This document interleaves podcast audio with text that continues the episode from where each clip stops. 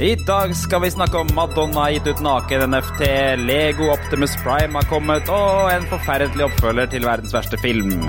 Velkommen tilbake til fremtiden.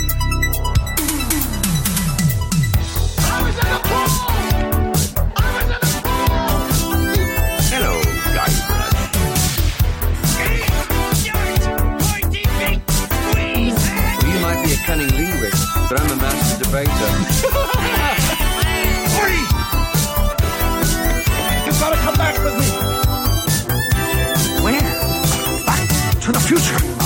Velkommen tilbake til Fremtiden, en podkast fra gjengen bak Retromessa i Sandefjord. Hver onsdag gir vi deg de siste retronyhetene fra spill, leker, film og TV, og så tar vi tidsmaskinen 20 år tilbake i tid og ser hva som skjedde da. Jeg heter Jørgen, og i dag har vi en spesiell gjest som Tom skal introdusere. Ja, med oss i dag har vi Moss sin nest sterkeste sønn, og det er mannen som kan fortelle deg nøyaktig hvor Latissimus Doshi er. Det er Richard fra, eh, fra Muskelnerdene. God dag, Richard. Woohoo! Tusen takk, altså. For en fantastisk eh, intro. Takk for Jeg var veldig spent på hvordan du skulle uttale det der navnet der, eh, Det, Jeg tror jeg gjorde det riktig. Jeg er litt eh, usikker, vet du, men uh, Ja, Letza, som vi bare sier. Det er fint, det. Ja. Så det er, Letza. eh, bak, på, bak på ryggen. Det er deilig. Er den ba bak på ryggen? Da tok jeg, har jeg tatt feil dritlenge. For Ok. du trodde det var på kne? Leggen? Hvor trodde Jeg trodde det var, jeg trodde det var i armen eller en plass. Eller sånn, sånn Jeg vet da faen. Jeg vet ikke. Nei da. Letza er eh, deilig nedover eh, ryggen din. Så okay. Hvor, hvor, hvordan er det man trener den da, Richard? du, det er eh, mange måter å trene ryggen på. Akkurat latsen er bra med f.eks. pullups. Kan Ja. være en fin måte. Eller en roøvelse av et eller annet slag. Da kommer du godt i gang på den muskelen. Riktig, riktig. Er dette del av core-muskulatur? Ja, ja, ja, core er, regner man ofte mer som eh, typ sånn mage, og kanskje litt lavere på, på ryggen. Litt sånn korsrygg. Greit. Men rygg er viktig å trene. Det er viktig Ja, ja, ja, ja. Jeg har vondt i ryggen støtt og stadig. Men det er fordi jeg bærer barn. Ja, det er utslitende. Får man noe core-poeng av å bære barn? Det er jo egentlig spørsmålet. Ja, det vil jeg si. Det vil jeg si. Ja, ja. Så hvor gamle er de? Er det sånn 15 eller noe sånt? Ja, da, da, jeg håper ikke jeg bærer de da. Nei, det er én på syv og én på fire. Okay. Den på syv bærer jeg ikke så mye, men fireren den eh, sliter med Ja, skjønner, skjønner. å kutte ut bæring. Mm. Men det er jo grunnen til at vi snakker om trening. Da Kan ikke du forklare hvorfor det, Rikard? Du, jeg er jo en del Jeg er halvparten av Muskelnerdene. Så det er Nils Fredrik og meg, Rikard, da, som er en del av den podden. Og vi snakker jo om en del av det samme som dere. Vi snakker om eh, spill, blant annet. Det er en viktig del av podden vår. Så snakker vi om trening og pappating. Så vi er jo en podkast hvor vi snakker om eh, ja, Egentlig så er det det vi Det som opptar hverdagen vår, da. Nettopp. Ja. Rett og slett. De tre tingene. Så. Hvordan relaterer måte te- eh, muskelting til eh, spill og, og dette her, da? Vel, det er en hobby Nils og jeg har å drive med. Eh, så, så, sånn relaterer det seg til. Så det er, grunnen til at vi valgte disse temaene, er liksom Ok, hva, hva er det vi kan snakke om hver uke som trenger minimal forberedelse fra vår side? eh, som vi alltid har nye temaer på. Fordi dette driver vi med uansett. Vi spiller hver uke, vi trener hver uke, og pappabiten Vi har ikke rømt ennå, så vi er eh, fortsatt, eh, fortsatt pappaer. Hvordan, men så Dere har ikke liksom spillifisert treningen på en eller annen måte? Altså på en fornuftig Du, vi har jo som- testet Ringfit, blant annet. da Det skal jo Ja, sies. Den har jeg liggende bak meg her. Ja, Jeg har den også bak meg her. Ja. Ja, når var sist dere brukte denne? Oh, La oss ikke snakke om det, ja. Det er ikke spørsmålet vi skal stille. Sist, sist gang for min del var faktisk på stream, eh, og det syns folk oh, ja. var veldig gøy, og hadde lyst til å ha det tilbake igjen, men eh, det, det, det kommer nok etter hvert. oppfordring eh, der, da. Ja, ja. Nei, det, altså, det, hender, eh, det hender vi blander, men, men ofte så er det ganske tydelige skiller da, mellom de forskjellige. Det som kanskje ofte treffer, er liksom spilling og pappabiten. Fordi jeg begynner å få litt eldre barn. Jeg har tre barn. Ja. Eh, hvor eldstemann gutt 14, og så er jeg jente 11 og gutt eh, 8. Eh, Og da har jo, trenger jeg være litt på deres plattformer også. Og da Ja. møtes vi f.eks. i Fortnite, da, så spiller vi en squad sammen, jeg og barna. Eh, og så går vi ut, da.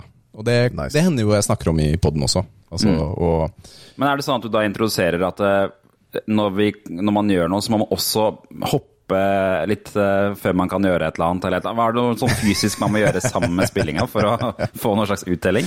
Nei, jeg, jeg liker godt å skille det, altså. Det er kos, og så er det trening. Så det er, eh, Ah. det er, det er ikke noe vits å Det er kanskje, kanskje derfor jeg ikke spiller så mye ringfit, fordi jeg, jeg liker, når jeg spiller, jeg liker å slappe av, altså. Det er en viktig bit av det. Og så får du heller lide et annet sted, da. Ja, ja det, jeg liker at du sier det, for liksom, du, du koser deg med spill. Og så er det trening etterpå. Altså, det er ikke kos! Det, det, det likte jeg veldig godt at du sa. Og så likte jeg også det Men for min, for min del, da, så må trening være gøy og kos, på en måte. Så derfor fungerer ringfit veldig bra for meg. For jeg kan stå der i en og en halv time og slite meg ut, og så bare sånn Å ja, faen, jeg har trent! Shit! Perfekt. Perfekt. Ja, det, det, det, er det problemet er også at jeg føler at jeg må konkurrere og vinne i et eller annet for at det skal være gøy. Og da, så Derfor syns jeg det ofte er mer gøy å delta på sport, eh, kanskje. Men ja.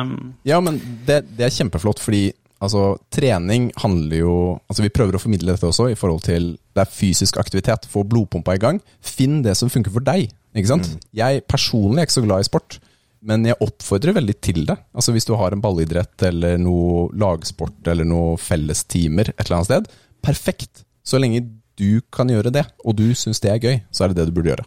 Jeg sy- syns det største problemet i verden i dag eh, er at det ikke fins nok eh, sånne tufte IL-aktige lag for vanlige mennesker. For problemet er at eh, etter hvert man, Jeg har jo latt det skli ut så langt at jeg, jeg er jo ikke på et nivå som matcher et eneste annet voksent menneske som driver med sport. Det er noe med det. Men man blir overrasket over hvor flink kroppen er til å sette i gang. Altså. Det er ikke mange uker som skal til eh, før man merker en tydelig forskjell på hvordan man er i formen. Altså før kroppen er litt sånn Hm, ok, greit, jeg kan være med på dette her. Så etter, eh, etter bare tre uker så vil du merke, merke faktisk eh, forskjell da, på hvordan du presterer.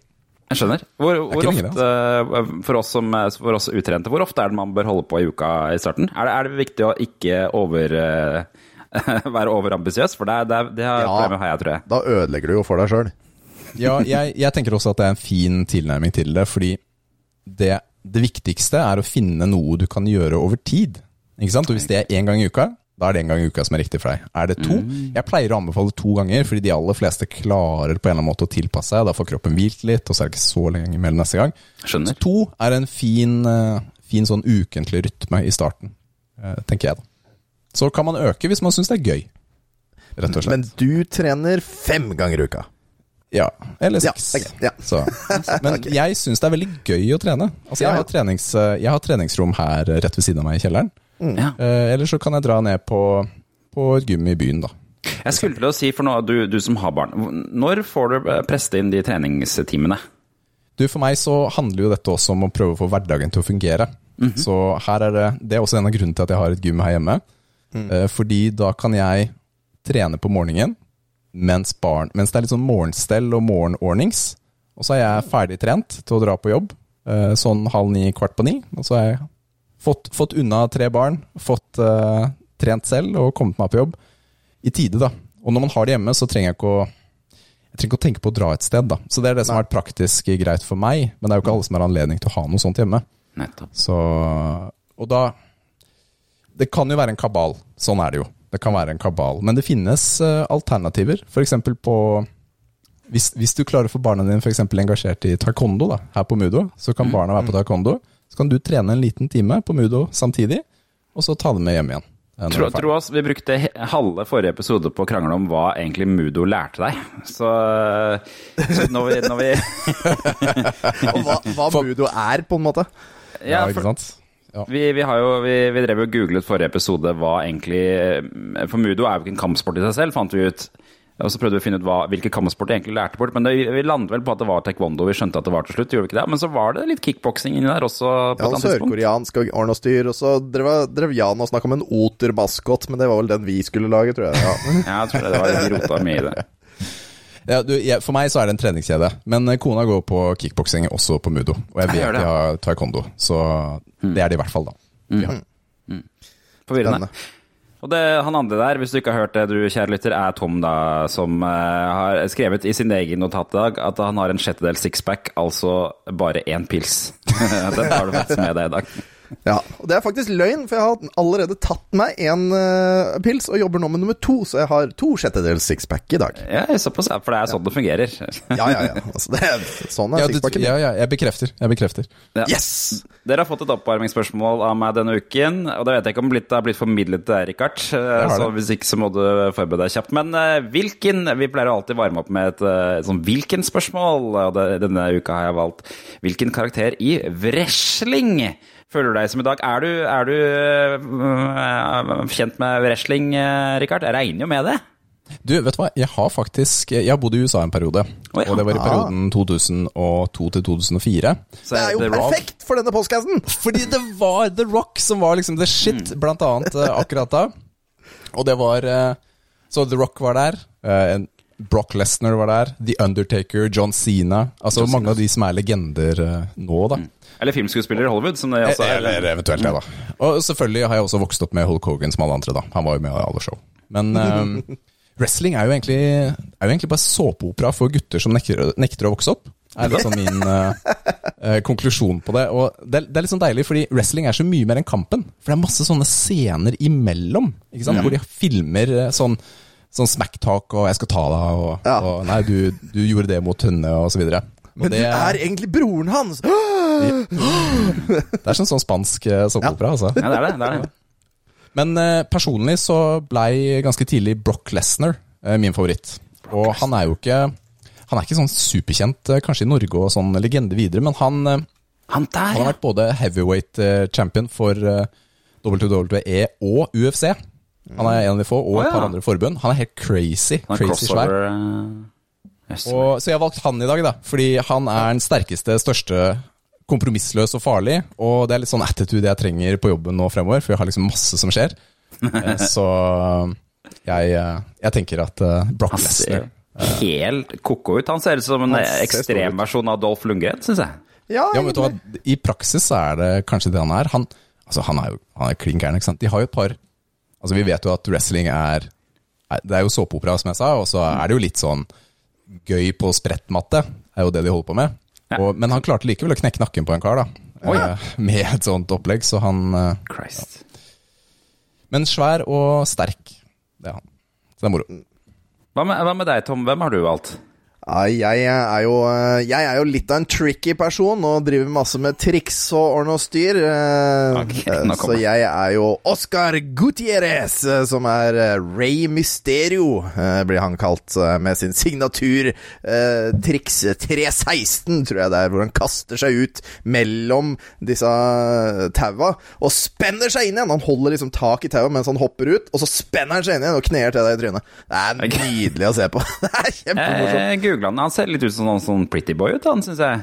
Ja, ja. altså, Og så har, han- har han alltid på seg en sånn uh, spansk maske, eller meksikansk maske. Ja, Ja, jo meksikansk, naturligvis, ikke Sånn lucha, luchador, er det ikke det heter? Uh... Luchador. Mm. Så, Jeg er litt skuffa over at du ikke har en sånn maske på deg akkurat nå, Tom. Ja, det, det burde hatt. ikke det akkurat rundt her, altså. Faen, jeg har flere masker, men ikke den. Så da, da kanskje jeg må gå til innkjøp av akkurat den. Det er noe litt psyko med de maskene som jeg bare ikke helt klarer å sette fingeren på, men Ja. Men ja, eh, grunnen til at jeg valgte han, jeg har jo måttet trikse veldig mye denne uka her, fordi min samboer, som driver nå og går rundt i rommet her, hun, eh, hun valgte her på lørdag, så valgte Eller hun fant ut, da, at, eh, at den ene stolen til gutta våre som står i stua, den sto litt for nærme TV-en. Så hun valgte å flytte den, eh, mens hun liksom gikk forbi den med lilletåa. Så den er knekt. ja. Oi, såpass, ja. Så, så jeg har måttet trikse litt her Mens hun for gikk forbi med lilletåa, det er jo Ja. det, er Altså, vanskelig hun, å unngå. skulle, hun skulle jo bare gå forbi, og så bare spente hun til en så jævlig, og da knakk den ganske hardt. Au. så den er blå, eh, og den er ubehagelig å gå på, så da må Så det er på en måte bare unnskyldning for å ikke gå i 17. mai-tog med skolen Ja, eller, eller barnehagen? flate, fy flate, altså, hun er så lat, vet du, så hun bare sparka til den bare for å unngå å gjøre noe hjemme. Fy Mm. flate kjerring, altså. ja, du, Hva Jørgen, med deg da, hvem er du? Jørgen? Hvem er du? Og jeg har selvfølgelig gått old school, og da er det ingen uh, over ingen ved siden av Hulk Hogan. Selvfølgelig. Seff. Men det er også jeg, nå, jeg har begynt å få en kobling til Hulk Hogan, faktisk. Fordi at Hulk Hogan, det var det én ting han var kjent for, så var det at han nektet å Kvinnehat? Ja, det er også, da. Det har kommet litt i nyere tid. Men det han var kjent for i, i, da han var på sin storhetstid, var at han eh, var veldig lite hårvekst, men nekta å klippe håret. Og der begynner jeg å komme ned også. Det er noe som foregår oppå her når man nærmer seg 40. jeg, begynner, jeg begynner å få en Hulk Hogan sjæl, og um, jeg er helt usikker på hvor langt jeg skal la det dra ut. Og Altså. vær så snill, kan ikke du gjøre det samme? Og bare spare langt hår, og bare barbere deg en måned? Så bare ha den. Deg. Hulk Hogan, deg, Hulk Hogan og, og hva heter han? Bill Bailey heter han, han standup-komikeren. Ja, nettopp. Han har, Yes. han har litt samme hårsveisen, faktisk, som Hulk Ja. Hogan. Ja. Mm. Ja, det er nydelig. Lang Det munkesveis. Det er jo, eh, det anbefaler jeg for øvrig å se. Det er jo um, Toys That Made Us, den eh, dokumentarserien som ligger på Netflix. Det er jo en egen episode der om wrestlingleker. Som også forklarer litt historikken i wrestling i USA. Hvordan det fungerte med Egentlig at det var en sånn wrestling federation per stat. Mange oppdelte, og så var det jo én gal fyr som bare begynte å kjøpe opp de beste fra alle de forskjellige små, små foreningene. Og Hulk Hogan kom jo fra en av disse her da, og ble liksom løfta opp til stormester eh, i USA. Han har jo en fantastisk bart. Altså, vi kan ikke si noe annet enn det. Nei, nei, nei, det er helt magisk. Helt magisk. Og, så, og det at den står i det, og bare 'Det her er barten min, ferdig snakka', det, det er kult, ass. En annen ting som er litt, litt rart med dette her, er at det het jo WWF da vi var små. Ja. Ja. Men de ble jo saksøkt av World Wildlife. Wildlife. Ja, stemmer. av Pandaen. Og så måtte de skifte navn til WWE, da. Så, Hva, hva var F-en for? eh, Federation Foundation, et eller annet sånt noe. World Res Wrestling Foundation, og så nå er det World Wrestling Nei, de ble til WWE. Ja, Men hva står én for nå, da? Eller hva står Eh, for? Entertainment eller noe, okay. kan jeg tro. Men Men så ble det det var jo en, de ble jo etablert en konkurrent som de da spiste opp til slutt, og så Det var vel Raw, eller hva det er for noe? Ja, Raw, ja. Den har jeg hørt om, i hvert fall. Så det fins jo, finnes jo Raw-spill til Nintendo 64 blant annet, eh, og sånne ting. da. Men eh, det er han, det er han Vince McMahon, tror jeg han heter, som er sjefen for alt mulig nå. Han eier alt. Han er jo også en sånn muskeltype. Ja. Så du sier at Så han er er sjefen par, for alle sjefer? par kilo steroider i den Ja. idretten her. Rimelig Hva, Når du er her, Rikard, hvor mye tror du på det steroidepratet i wrestling? Tror du det er gjengs, eller tror du det er, eh, det er ordentlig trente folk? Eh, altså, steroider er jo sånn at du fortsatt trenger å trene veldig, Ja. veldig hardt, veldig, veldig mye. Det bare Ja, det gjør at du slipper pausene. Ja. Så du kan trene på morgenen og på kvelden, og på morgenen neste dag og kvelden neste dag. Du trenger Altså, ikke restitusjon? Nei, på mange av dem da, så er det Ja, sånn. ok. Eh, og uh, det er klart, altså, ni av ti har steroider, men de må si andre ting av sponsorer. Sånn er det bare. Seff. Ja. Det er derfor de får mye Men, eh, hjerteproblemer, eh, antar jeg? I Det sånn er jo en del indre organer som får det litt tøft for veldig mange eh, over tid. Det er jo ikke I USA er det jo litt oftere å få steroider fra doktoren sin. Det gjør det jo litt tryggere, i hvert fall. Oh, ja. Så du vet at eh, det kommer fra et ordentlig sted. Ja, altså Det produseres jo steroider av store legemiddelfirmaer, ikke sant? for det er jo sykdommer Så du kan bruke det lovlig? Lovlig? Ja, hvis doktoren din mener det, så kan du det. Men det er jo ikke så mange doktorer som mener det. Så det er jo noen eh, anbefalte doktorer for, Ja. å, eh, for Dra- forbundene. Og sånt. Dra til Ja. doktor Bob borti der, liksom. Han gir Ja, deg steroider. Hvis du bare sier at du Å, jeg må jeg, å, jeg, jeg, Jeg er nødt til å bli så sterk. Jeg må Ja, bli så jeg blir deppa om jeg ikke trener. Ja, ja her er Altså, det hjelper jo litt å være en sånn stjerne og sånt, da. Det vil jo selvfølgelig hjelpe. Husker dere bladet Mann? Som var til salgs i Norge i ganske mange år. Ja, det tror jeg. Nei, det var jo liksom en sånn konkurrent til FHM. Jeg husker jeg kjøpte det bladet Mann eh, noen ganger, og da, eh, en av de, så var det en lang artikkel med en av journalistene som faktisk prøvde å gå på steroider i, i en liten periode. og, og han opplevde to ting. Han skjelte ut folk, og han onanerte veldig mye. Det var de to tingene han opplevde. Det er noe å legge merke til. Bare sånn. Og, og for en kombo! Skjelle ut folk mens du onanerer. Det var ikke så mye trening, men veldig mye onanering. Men han startet ikke å trene, han bare tok det og tenkte at det skulle gå bra, eller? Ja, tror det, ja, det tror jeg det. Du ville bare se hva som skjedde med kroppen. Altså, da, altså i hvert fall hvis han tar uh, testosteron, da, uh, Ja. for eksempel. Altså, det er jo mange forskjellige former for doping, men Ja. en av de vanligere, lettere formene, da, om man skal si det sånn, er testosteron. Og hvis han bare tar det, så blir han jo bare en kåtmaskin, rett og slett. Ikke sant? Som går rundt omkring. Så Ja. Jeg har tre unger, jeg òg, så jeg kjenner at jeg skal ikke gå på testo. Nei, nettopp. Du har ikke lyst til å bli en kåt maskin. Det, det er notert. Nei, nei, nei. Sånn. Og vi skal over til nyhetene. Vi må jo nevne først at eh, vi har fått en sponsor. eh, Og det er nemlig Elkjøp, som også sponser Retromessa for øvrig i år. Um, Så det er vi veldig eh, fornøyde med. Jeg har notert i der at jeg skal fortelle litt Elkjøp-anekdote. Men Og det tenkte jeg bare skulle sveipe innom det, fordi at jeg husker veldig godt da Elkjøp kom til Porsgrunn. Der jeg kommer fra. Og Altså, den sånn, sånn på 90-tallet, liksom? Er det det du mener? Eller Ja, kom de på bare besøk nå her i forrige Nei, uke? de etablerte seg på Downtown kjøpesenter i 1994 eller noe sånt. Og det husker, jeg, det, det husker jeg så da, for da hadde de sånn eh, skjermbeskytter gående på alle maskinene, og da hadde de den skjermbeskytteren med han fyren som er på en sånn øde øy. Jeg vet ikke om dere har sett den? Oi, oi, oi, den har vi ikke snakka om, han tidligere! Det kan godt være. Johnny Castaway det heter den. Yes, eh, og det er en egen skjermbeskytter som eh, bare var på noen operativsystem. Den, eh, den kan du sitte og se på i, i timevis, og det er bare en fyr som liksom, Det ser ut som et retrospill, som pixel-retrospill, med en fyr som er på en øde øy og gjør rare ting og aldri kommer seg av den øya. da. Ja, og så, Det er jo en hel historie med Mm. den, som er ganske fin, egentlig. Så hvis man har tid, så får man jo med seg hele. Jeg har Ja, sett altså, hele videoen på, på YouTube, bare, eller i hvert fall hovedpoengene, da, hva som skjer. Akkurat. eh. Vi var så, vi var så trøstefora på tegneserier, og tegn, eller sånn animerte tegneserier på den tida, at vi så på alt. Så var det altså, jeg har brukt mer enn én time på skjermbeskytter, for å si det sånn. Nettopp, nettopp. Ja. Så, så det, er, det er mitt elkjøp-minne for i dag, og nå hopper vi opp på nyhetene.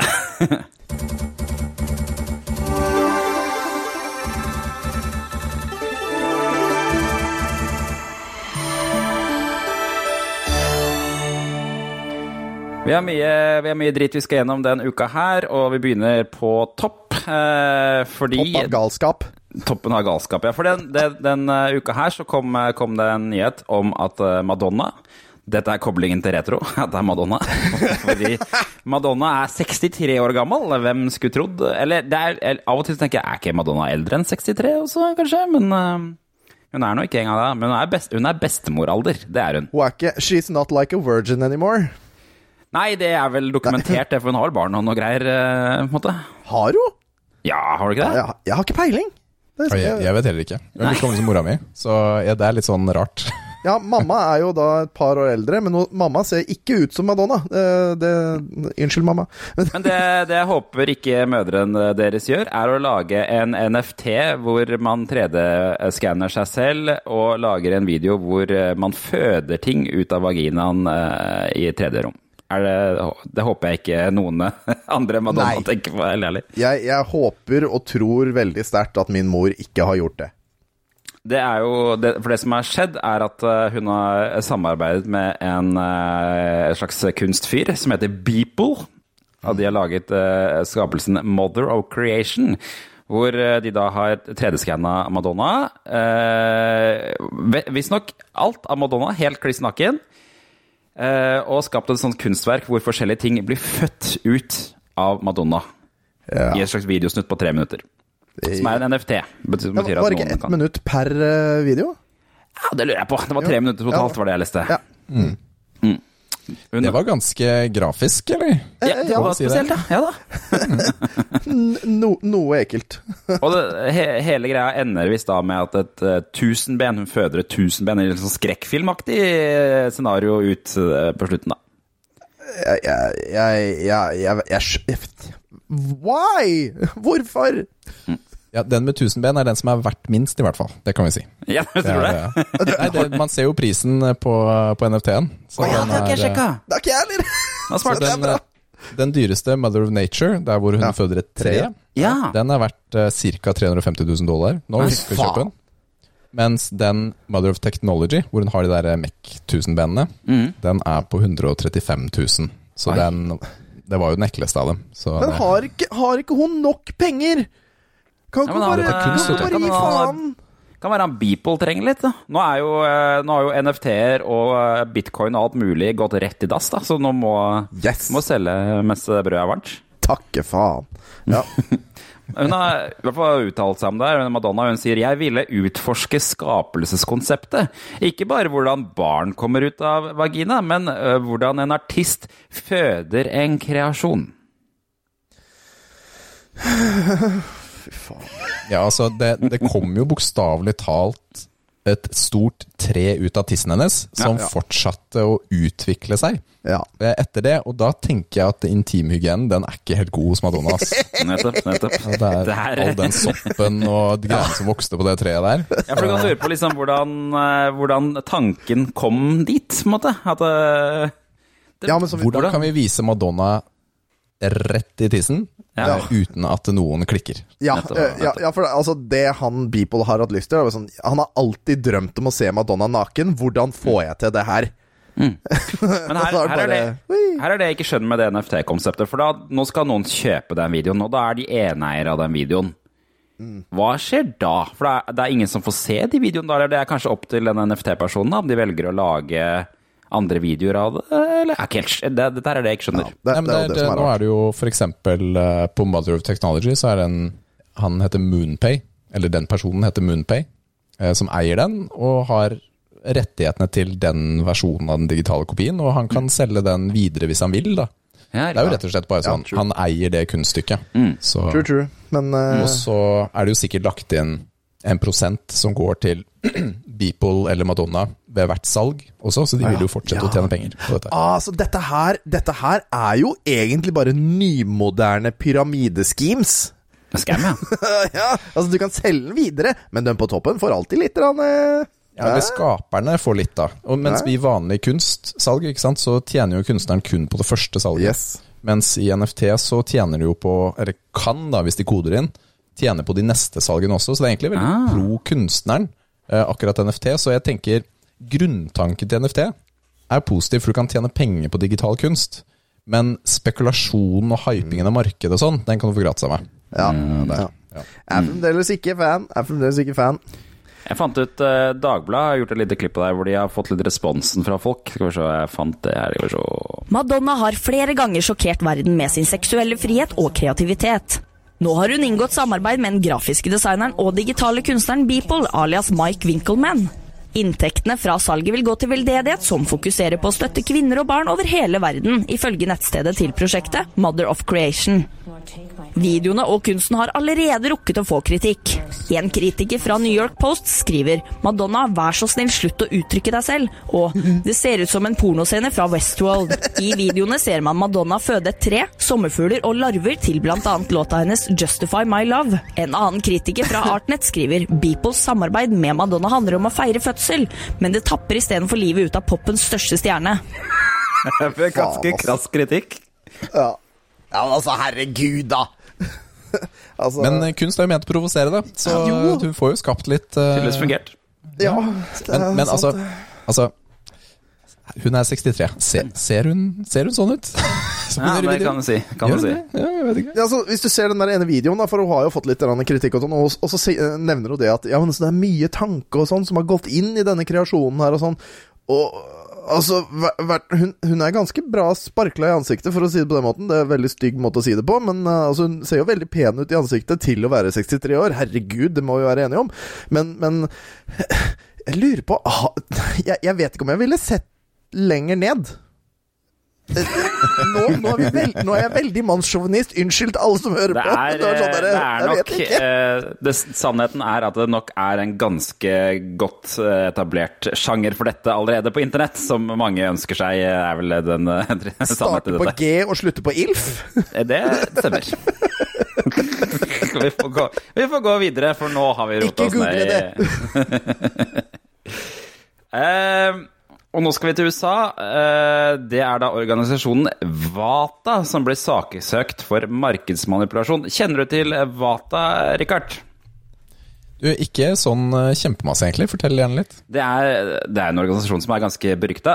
eh, Godt kjent i retromiljøet. Og det de driver med, er såkalt grading. Som vil si at du, du sender spill til dem, og så uh, vurderer de eh, kvaliteten på retrospillet ditt, altså hvor slitt det er, og type verdi i forhold til resten av markedet. Og så får du det gjerne sendt tilbake forsegla, med en slags sånn grading, da. Eh, og det har de drevet med i flere år. Det har bl.a. dukket opp på eh, den derre Pawn Stars eh, i Las Vegas eh, med spill. eh, de som driver med det. Men i det siste så har det dukket opp en annen aktør på dette markedet som heter Heritage Auctions, som driver og eh, auksjonerer bort spill. Vi har blant annet eh, For noen år siden så hadde vi på messa vår besøk av han som hadde den PlayStation, Super Nintendo PlayStation-prototypen. Ja. Ja. Den ble solgt på Heritage Auctions for eh, 300 000 dollar eller noe sånt, tror jeg det endte opp ble solgt for. Men nå har det dukket opp veldig mange spill der, og det dukket opp veldig mange spill som er gradert av Wota, og nå har folk begynt å lure på om disse Wota-folka samarbeider med Heritage Auctions om å drive opp prisene på, på sånne graderte spill, da. Men først har vi ikke snakka om disse her folka før. Jo, vi har det, for Ja. det har vært spekulert i dette her veldig lenge. Men nå er det noen som har endelig gått til sak mot dem da, og liksom funnet ut noen konkrete punkter på hvorfor disse her skal, skal tas ned. Og det de har eh, pekt på, er at det har vist seg at eh, nå i det siste så har det tatt kjempelang tid å få gradert spill. De reklamerer på nettsiden sin for at det tar to uker, og så viser det seg at det tar tre måneder eller noe sånt nå. Eh, I tillegg så har det jo vist seg at det er noen folk her som både jobber i Heritage Auctions og har noen eierandeler i det der Våta-greiene. Og det er litt gøy. Ja, det er nettopp. moro. Eh, og det som da eh, folk mener, ikke sant, er at uh, de selger for høye priser på Heritage Auctions. Folk uh, internt kjøper ting på Heritage Auctions, driver opp prisene, og så blir det mer attraktivt å drive og grade via dette her Våta-greiene, ikke sant? Fordi at folk eh, rusher til, og derfor tar det jo lengre tid å få grada ting. For de får jo så mange forespørsler, for alle skal være med på den prisveksten. Ja, og det- jeg også forsto også, var at de tar jo 2 av hva, hva, blir solgt, hva spillet blir solgt for. Så at s- siden det tar så lang tid å få spillet tilbake, er fordi at de får inn spillet, og så ser de Oi, shit, her kan vi drive prisen opp. Så driver de Ja. opp prisen, eh, og så tar det lang tid før du får det tilbake, og når du får det tilbake og skal selge det, så er prisen høyna så jævlig fra den originale prisen, sånn at de får mer, for de får jo 2 Det er Sånn ekstremt forsto skittent spill. Ja. Det er ekstremt skittent spill, og vi er, det er noen sånne Hvis man går på Heritage Auctions og ser hva ting selges for der, så er det noen helt insane priser på spill som er til, godt tilgjengelig. Og det, det de sier i USA, er at uh, visstnok så er dette folk som har drevet med, med tegneseriehandel tidligere.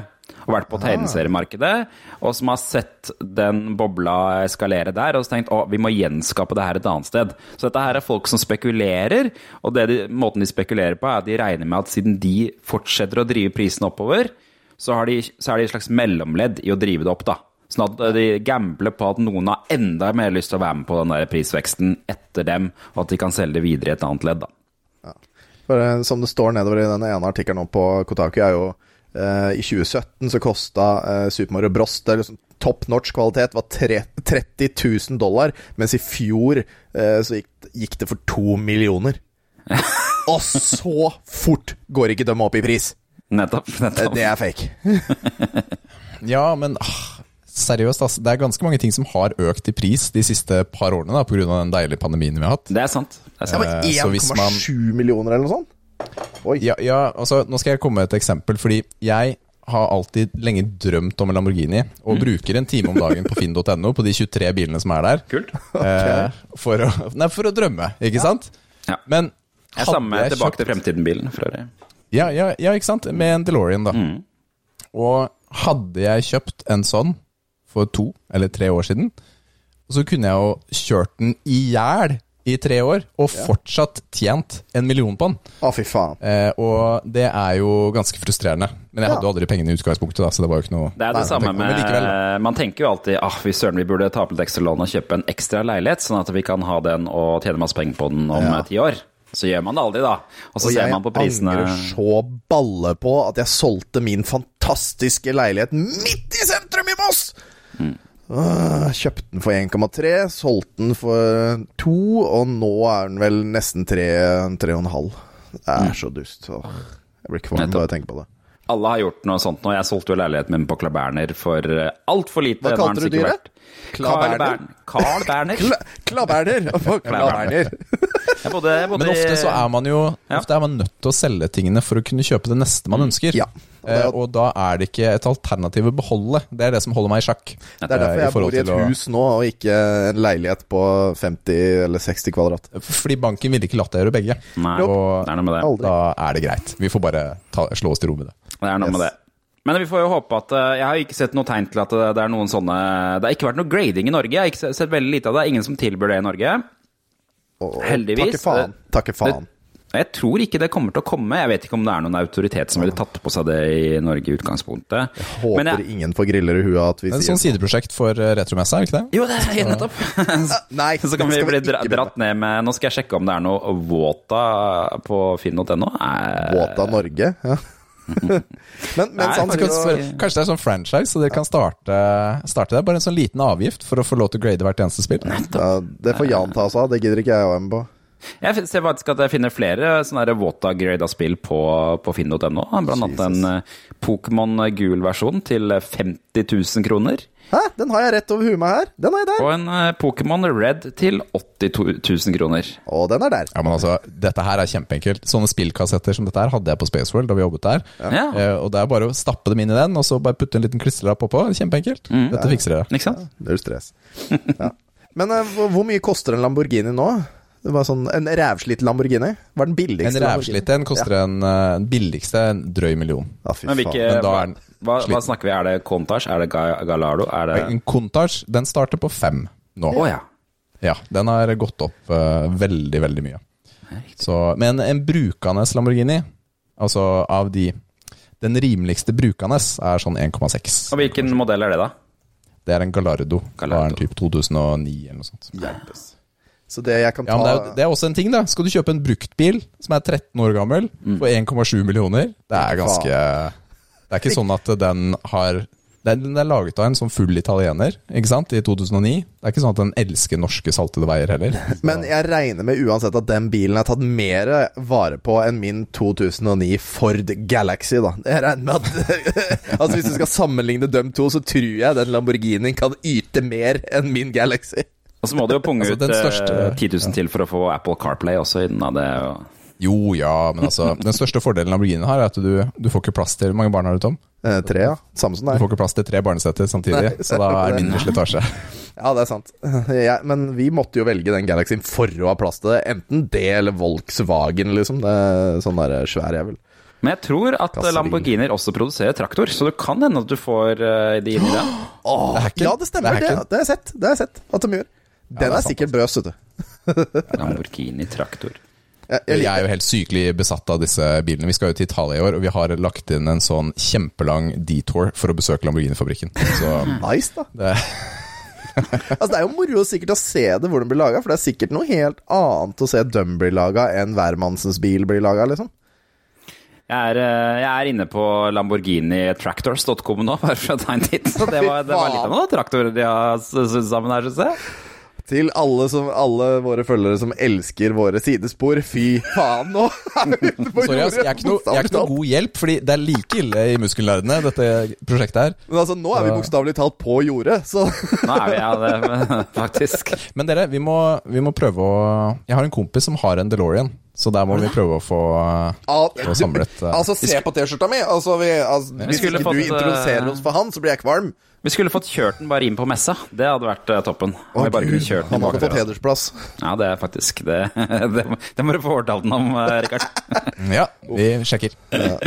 Eh, vi, vi, kan ta, vi kan skaffe rød løper og full bemanning eh, og eh, sperrebånd, vi, hvis det er det det står på. Og jeg kan ligge i bikini eller borat over panserbånd, det er ikke noe Det problem. er sant. Det Det, er gratis. Blir mer eller mindre verdt da? Ja, ja, det er nettopp det. Ja, det er et godt spørsmål.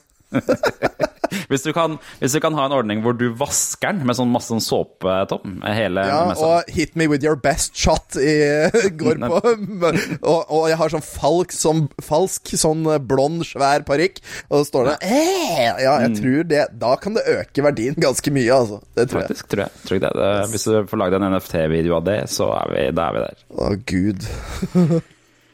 Eh, vi skal over til neste punkt her, og det er Lego. Vi er, nå har det blitt en sånn føljetong i den podkasten å snakke om nye Lego-ting. For nå kommer det så mye voksen-Lego. Um, og denne her dukka opp forrige uke, sånn litt ut av det blå, egentlig, og det er Lego Optimus Prime. Har dere fått med denne her? Den ser jo Oh yes. ut. Det er, La jeg, jeg starte kunne, der. Jeg kunne nesten ikke tro det, og det er en veldig god grunn til det. Og det er jo at uh, Transformers lages av et firma som heter Hasbro, som egentlig er en konkurrent til Lego. Og det er egentlig det rare her. Altså, uh, det gir ikke mening for meg at Lego skal få rettighetene til uh, å lage Transformers. Den eneste grunnen jeg kan tenke meg til at de har fått rettighetene, er at nå kommer det Lego Transformers-spill eller film. Å, gud, det hadde vært gøy. Å ja, Ja, det kunne vært litt gøy, altså. Men også ikke helt utenkelig, føler jeg. Nei, Nei, det, jeg Nei. Det er, uh, det er en innenfor. perfect match, viser det seg egentlig. Altså, er ikke det? Se på alle Lego-spillene, hvor bra de er. Altså, Et Transformers Lego-spill kommer jo til å være magisk, bare off the gate. Det er jo ikke noe tvil om. Nei, jeg føler det er sånn Jeg jeg skjønner ikke hvorfor jeg ikke har liksom på en måte tenkt på det før, men det er jo bare en åpenbar match, det der med å kunne bygge om fra en robot til en bil. Det er jo Lego er på en måte skapt for det. Ja, men, ja, men er- det, forst- Har jeg forstått det feil? Men den skal vel ikke bygges om? Du kan, altså, du kan bare brette den? Altså tra Ja. transformen? Nettopp, den her kan transformeres det det- eh, som den Ja, for det var det jeg trodde først. Altså, jeg trodde først at ah, du må bygge den om til den andre, men nei da! Du kan bare brette den! Akkurat som en vanlig transformer. Fantastisk. Nettopp. Eh, 100 og, nei, den, eh, ja, var det 170 dollar skal den koste i USA, den kommer til salgs 1. juni. Så det betyr at den kommer til å ligge på ja, mellom 2 og 2,5 i hvert fall, tipper jeg. Ganske voksent voksen til for den, altså. Det er det, og det, det står her, det, i hvert fall de jeg leste, står det den er lagd for voksne. Dette er ikke lagd for barn. Å, endelig et Lego-sett jeg kan si til ungene mine. Nei, du får ikke leke. Den er pappa sin. Nettopp. Eh, det skjer jo ikke, og så er Optimus Prime eh, i alle biter oppi legokassa hjemme. Det er jo det som kommer til å skje, selvfølgelig. Det er er det som kommer til å skje. Nei da, Jeg er altså. veldig glad i Lego selv. jeg. Jeg har jo den uh, Lamborghini Sian har jeg jo stående ja, bak, her. Så den, den store. Ja. Blir den jeg har kjørt utafor uh, trappa på et eller annet tidspunkt, tror du? Eller du har kanskje store barn? Du, du? jeg har litt eldre barn, så det går fint. Er det med det? Mine er jo seks, fire og et halvt og to og et halvt, så det er liksom Det er litt mer krise. Det går til helvete når nabogutten kommer på besøk her, det. Det kan jeg love deg. Så den, den må stå på jobb hvis jeg skal kjøpe den. Eh, I, I settet så er det jo Optimus Prime. Ikke, du får ikke med den vogna som eh, forsvinner magisk vis i tegneserien når, eh, når han blir til robot. Men du får pistol, du får en sånn Energon Cube som eh, egentlig hører til TV-serien. Det er den som gløder sånn rosa i TV-serien. Og så Energon, ja. Og så får du med Energon? Energon? Energon? Energon. Energon, Energon Jeg vet da faen, jeg, for å være ærlig. Det hørtes bare best ut på norsk. Det beste i tegneserien er hvordan de spiser den der Energon, for de stapper, de trøkker den inn i trynet på en måte for å få energi ut av det. Det er helt glemt. Det er rare greier. Ikke se den første sesongen av Transformers om igjen. Det er så dårlig. Utrolig dårlig animert. Du vil ikke tro hvor dårlig animert det er. Det hakker. Og du ser sånne te- tegne grå strekelinjer fordi de ikke har fylt ut alt, og det er, det er helt elendig. I tillegg Det så får er jo litt gøy, da. Det er jo litt moro. Ja, nei, jeg vet ikke. Det du bør se om igjen, er um, den originale spi Transformers spillefilmen fra 1986, eller hva det er for noe. Ok, ok, greit. Den er litt, putta litt mer penger inn i, så den er litt mer ordentlig. Og der er det masse stemmeskuespillere, og Leonard Nimoy er der, og han er Eric Idle fra Monty Python er med, og ja, litt sånn. Den er ålreit, altså. Den er det faktisk ikke så lenge siden jeg så. Nei, den er, ikke, eh, verdt ikke å se. Den er, Tror jeg er ikke jeg har sett. Den er ikke for barn. Den er, den er ganske drøy til tider, og den store spoileren i den filmen er jo at Optimus Prime dør i den, sånn, ja, det er jo helt i starten, de første ti minuttene. What? Du, tenker, du kommer for å se på Optimus Prime, og så bare hva? Så dør den, og så dør han på ordentlig! Ja, ja. Ok. Kommer ikke Også, tilbake heller? Nei. Nei. What? Det som skjedde, var at uh, Hasbro eh, bestemte seg for at folk hadde blitt litt lei av Optimus Prime. Så de bare Nå skal vi knerte den, og så kommer vi med en ny en. Tidenes Altså, det er, det er som å ta livet av Han Solo. Jeg ser Nettopp. på deg, nye Star Wars-serie. Ja, ja. Det var, jeg kan love deg at det var ingen barn som aksepterte det. Så det som skjedde, For det kom jo sesonger av Transformers på TV etter det. Og det som skjedde var at Optimus Prime kom tilbake som en slags zombie. Og så bare ble han Optimus Prime igjen. Ja, Ja fordi folk glemmer. Det er det som er viktig. Ja. Og det, arvtakeren hans ble, var Rodimus Prime, som er da helten i eh, den animerte filmen. Rodimus Prime? Ja, han eh, heter egentlig Hot Rod. Han er en sånn Hot Rod-bil, og så får han på en måte Det som følger med i denne trans Lego Transformersen, som er Matrix of Leadership, som er en sånn lederamulett ja. som de putter inn i brystet sitt, de som er lederen. Og han putter den inn i seg selv, og da transformerer han til Rodimus Prime, da, som er eh, samme bilen, bare med en tilhenger, har jeg inntrykk av. Ja, ja. Var det, var det ikke i, i den nyere spillefilmen med Shia LaBeouf og sånn øh, øh, Når han har den der tilhengeren, så er det et liksom sånn ekstra sett med armor og noe greier, og noe Var det Det er det? ikke. Eh, Nå er det lenge siden jeg har sett de der eh, anime, altså de 3D-transformersene, altså. Men uh, det er godt mulig, det. Tenker du på? Shia LaBeouf. Ja, det er lenge siden jeg har sett han òg, for så vidt. Han er ikke så mye i filmer for tida. Nei, jeg tror ikke det. Ja, ja. Nei. Sist jeg så han, så var han med en eh, Han spilte med en med Downs syndrom og gikk mye rundt i jungelen. Eh, Det var det jeg- sist jeg så han. Hæ? Ja, Den var ikke så dum, den filmen heller, skjønner du. Ja, det var selge- Det var måten å selge ned på. Han gikk rundt med Downs syndrom ute i jungelen, og det var det. Det er mulig det ikke var plottet i filmen, men det var sånn jeg opplevde den. Bare sett den med Downs ut i jungelen, så ser vi hva som skjer. Det blir sikkert en film av dette her, vet du. Ja, ja, ja, ja. ja. Ja, du skjønner, de går fryktelig mye, men ja, ja. ehm, Det er sikkert mulig å søke opp den på, på internett og få sett det. Person with Downs in the jungle. Skal vi se. ja, Downs in the Jungle, det tror jeg kanskje ikke Downs in the jungle! Det er ikke 80-tallslåta vi kjenner. Ja, for det er Creedence uh, coverlåt, det. Ja, ja. Uff. Ja. Hvis ser Down in the Jungle, nå googler jeg det, og det er en slags eh, barneserie, det, så ja da. Men det var ikke Downs, da. Hva er det vi driver med? Nei, vi rota oss Nå nå helt bort. tilbake i hølet igjen. Helt bort. Helt bort. La oss hoppe videre, fordi det som jeg sa i tisa introen, eh, så kommer oppfølgeren Eller nå er traileren til den nye oppfølgeren til Avatar kommet. Avatar The Way of Water. eh, som- Endelig! Endelig!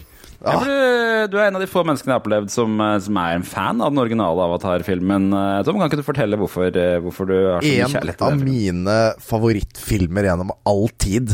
Jeg så den fire ganger på kinoen i Moss i 3D. Første gangen så gikk jeg ut med skjelvende knær. Altså, la oss være ærlige, det er Pocahontas på en annen verden. Altså, det er jo, det er jo historien. Det er Pocahontas på en annen verden. Men eh, altså, bare grafikken og tre... Altså, jeg får gåsehud nå. Eh, Altså, grafikken, 3D-animasjonene, var jo perfekt utført! Det var nydelig, det var vakkert, det var en det var, Altså, Pocahontas er jo en kjempefin historie! Mm. Så det var Alt klaffa for meg! Det funka for meg, da. Så jeg, jeg var så strålende fornøyd, og jeg har lengta etter nummer to uh, lenge. For det var Han sa det vel samme året at han skulle lage fem filmer. Jeg tror det. Mm. Og, så, og så har det bare aldri skjedd. Nei, for da, første Avatar-filmen kom i 2009. Så det, vi det er jo var det 13 år siden, eller noe sånt? eh, Det da. Ja. Oi, da er det ikke sikkert vi rekker å se den siste. Nei, det tror jeg ikke. Nei, men- nei, men altså, De filma jo inn alle filmene nesten samtidig. Det er bare det at oh, ja, de uh, har tatt så jævla lang tid med uh, 3D-animasjon og årene og styr, for de gjør det perfekt. ikke sant? Egentlig så skulle den jo starte på Avatar i uh, Åssen var det? På 80-tallet eller 90-tallet eller noe sånt? Men han eh, ville ikke, fordi han visste sjøl at teknologien var ikke til stede for å gjøre det. Så han venta jo mange, mange år for, for å lage den. Det som, Eh. er, det som er litt rart, er at Avatar ble jo Det var jo en av de første filmene som ble reklamert for at det skulle være 3D på kino.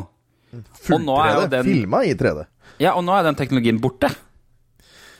Ja, den er tatt ut av ja, 3D-film på kino lenger. ikke Jeg kjenner faktisk han som sto bak eh, 3D-teknologien på den uh, filmen. Jeg ble kjent med han da jeg bodde i USA.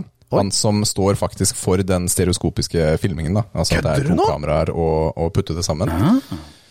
Eh, Så han har jobbet eh, mye med det, men han har jo mindre og mindre å gjøre, da, han røveren. Ja. Eh, Rett og slett. Fordi det er jo ikke så mange eh, 3D-filmer nå lenger. Det lages fortsatt. Men det er jo en eller annen norsk eh, fyr som har jobbet med 3D-en på de nye Avatar-filmene nå, vet jeg. Det var i avisa her. Ja, det kan godt hende. Mm. Det kan godt hende. Jeg, jeg kjenner bare han som jobber med selve 3D-teknikken. Ja. Altså det å skape 3D-bilde på kinoen. Mm. Altså Det er hans jobb, da. Altså å filme. Men i 2019 så var jeg faktisk i Shangjiaji i Kina og besøkte Avatarfjellene. Å ja. Så de er jo basert på en virkelig lokasjon uh, i Kina. da Det er ganske langt inn i Kina. Og, men, men de flyr ikke på ordentlig, viser det seg. Nei. Altså de, Nei. Kan ikke de det. sitter fast på bånd.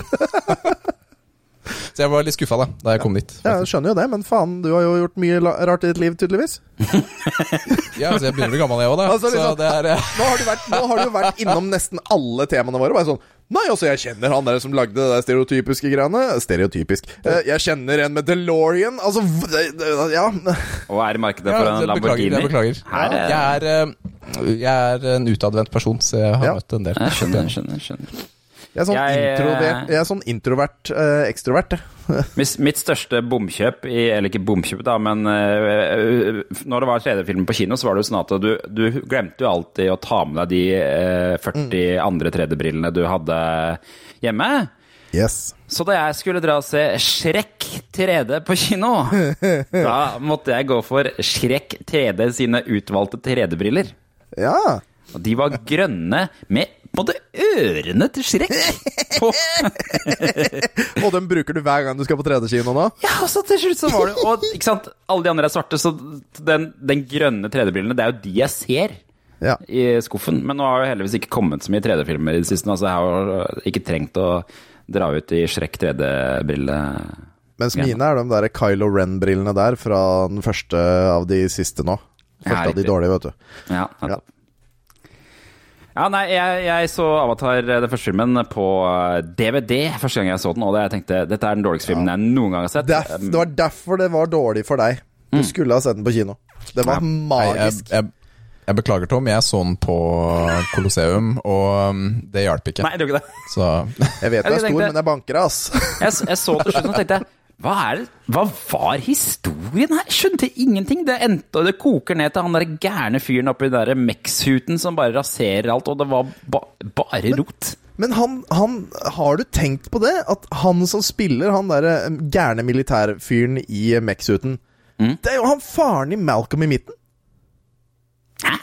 Han øh, Ja! Men er ikke, faren, er ikke faren i Malcolm i midten han derre Faen, som kanskje jeg tar feil.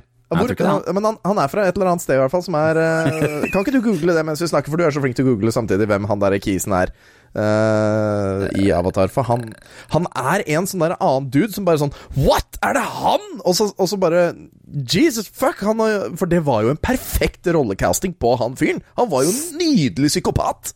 Steven Lang? Ja. Og hva er det han har spilt i før? For han har spilt i noen sånne barnegreier, skjønner du.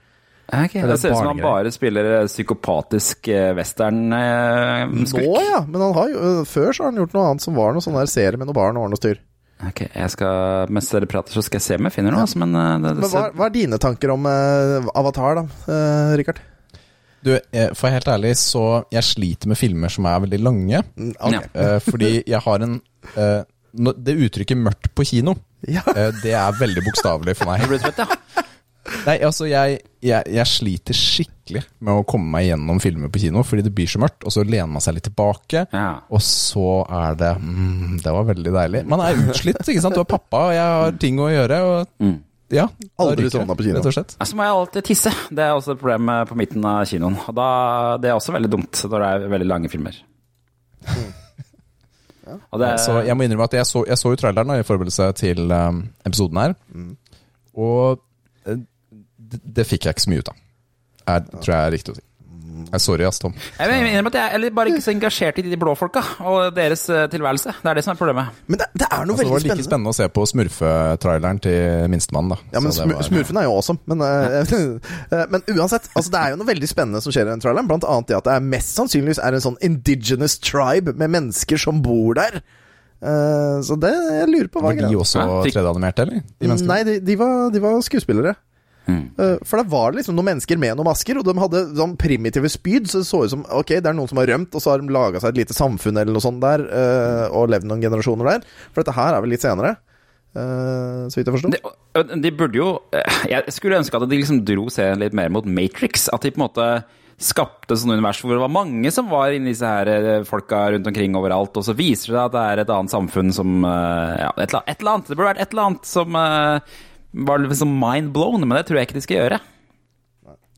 Det viktigste er at Sigourney Weaver eh, er med her òg, da. Ja, riktig. For hun, i hvert fall. Selv om hun hun var med i den første filmen nå, eller? Ja, hun døde jo. Å, gjør det, ja. Ja, hun døde på slutten her. Eh, hun skulle jo egentlig Hun ble jo skutt, og så skulle hun prøve å bli overført til avataren sin, men, eh, men overlevde ikke turen. Og så han Jake overlevde turen, da. Over. Skjønner. Skjønner. Takket være Enja, eller Enja, eller hva faen var det? Ikke Enja, kanskje. Enja? kommer det sånn der koring og Nei, du var på Gregorian, du nå. Hva er det? Jeg vet ikke hva Enja, det forbinder jeg bare med sånn Det er sånn eh, som bare eksisterer på massasjesenteret, føler jeg. Der blir det kan være fall Det var en god beskrivelse. Hvis du drar på Son spa, da er det bare Enja uansett. Jeg har vært på, yes. har vært på Son spa, da var det Enja. Caribbean Blue er en av sangene til Enja som er bra. Ja, la oss en komme oss eh, videre fra det her. Bundy, har dere noe forhold til Bun Bundy? Det begynner å bli noen år siden jeg så på Bundy, altså. Eh, men ja. Men alle Jeg har, jeg har jo sett, eh, sett en del, altså. Har det. Alle har jo et forhold til Bundy på en eller annen måte, for vi har jo sett det alle sammen. Eh, spørsmålet er bare hvor mye.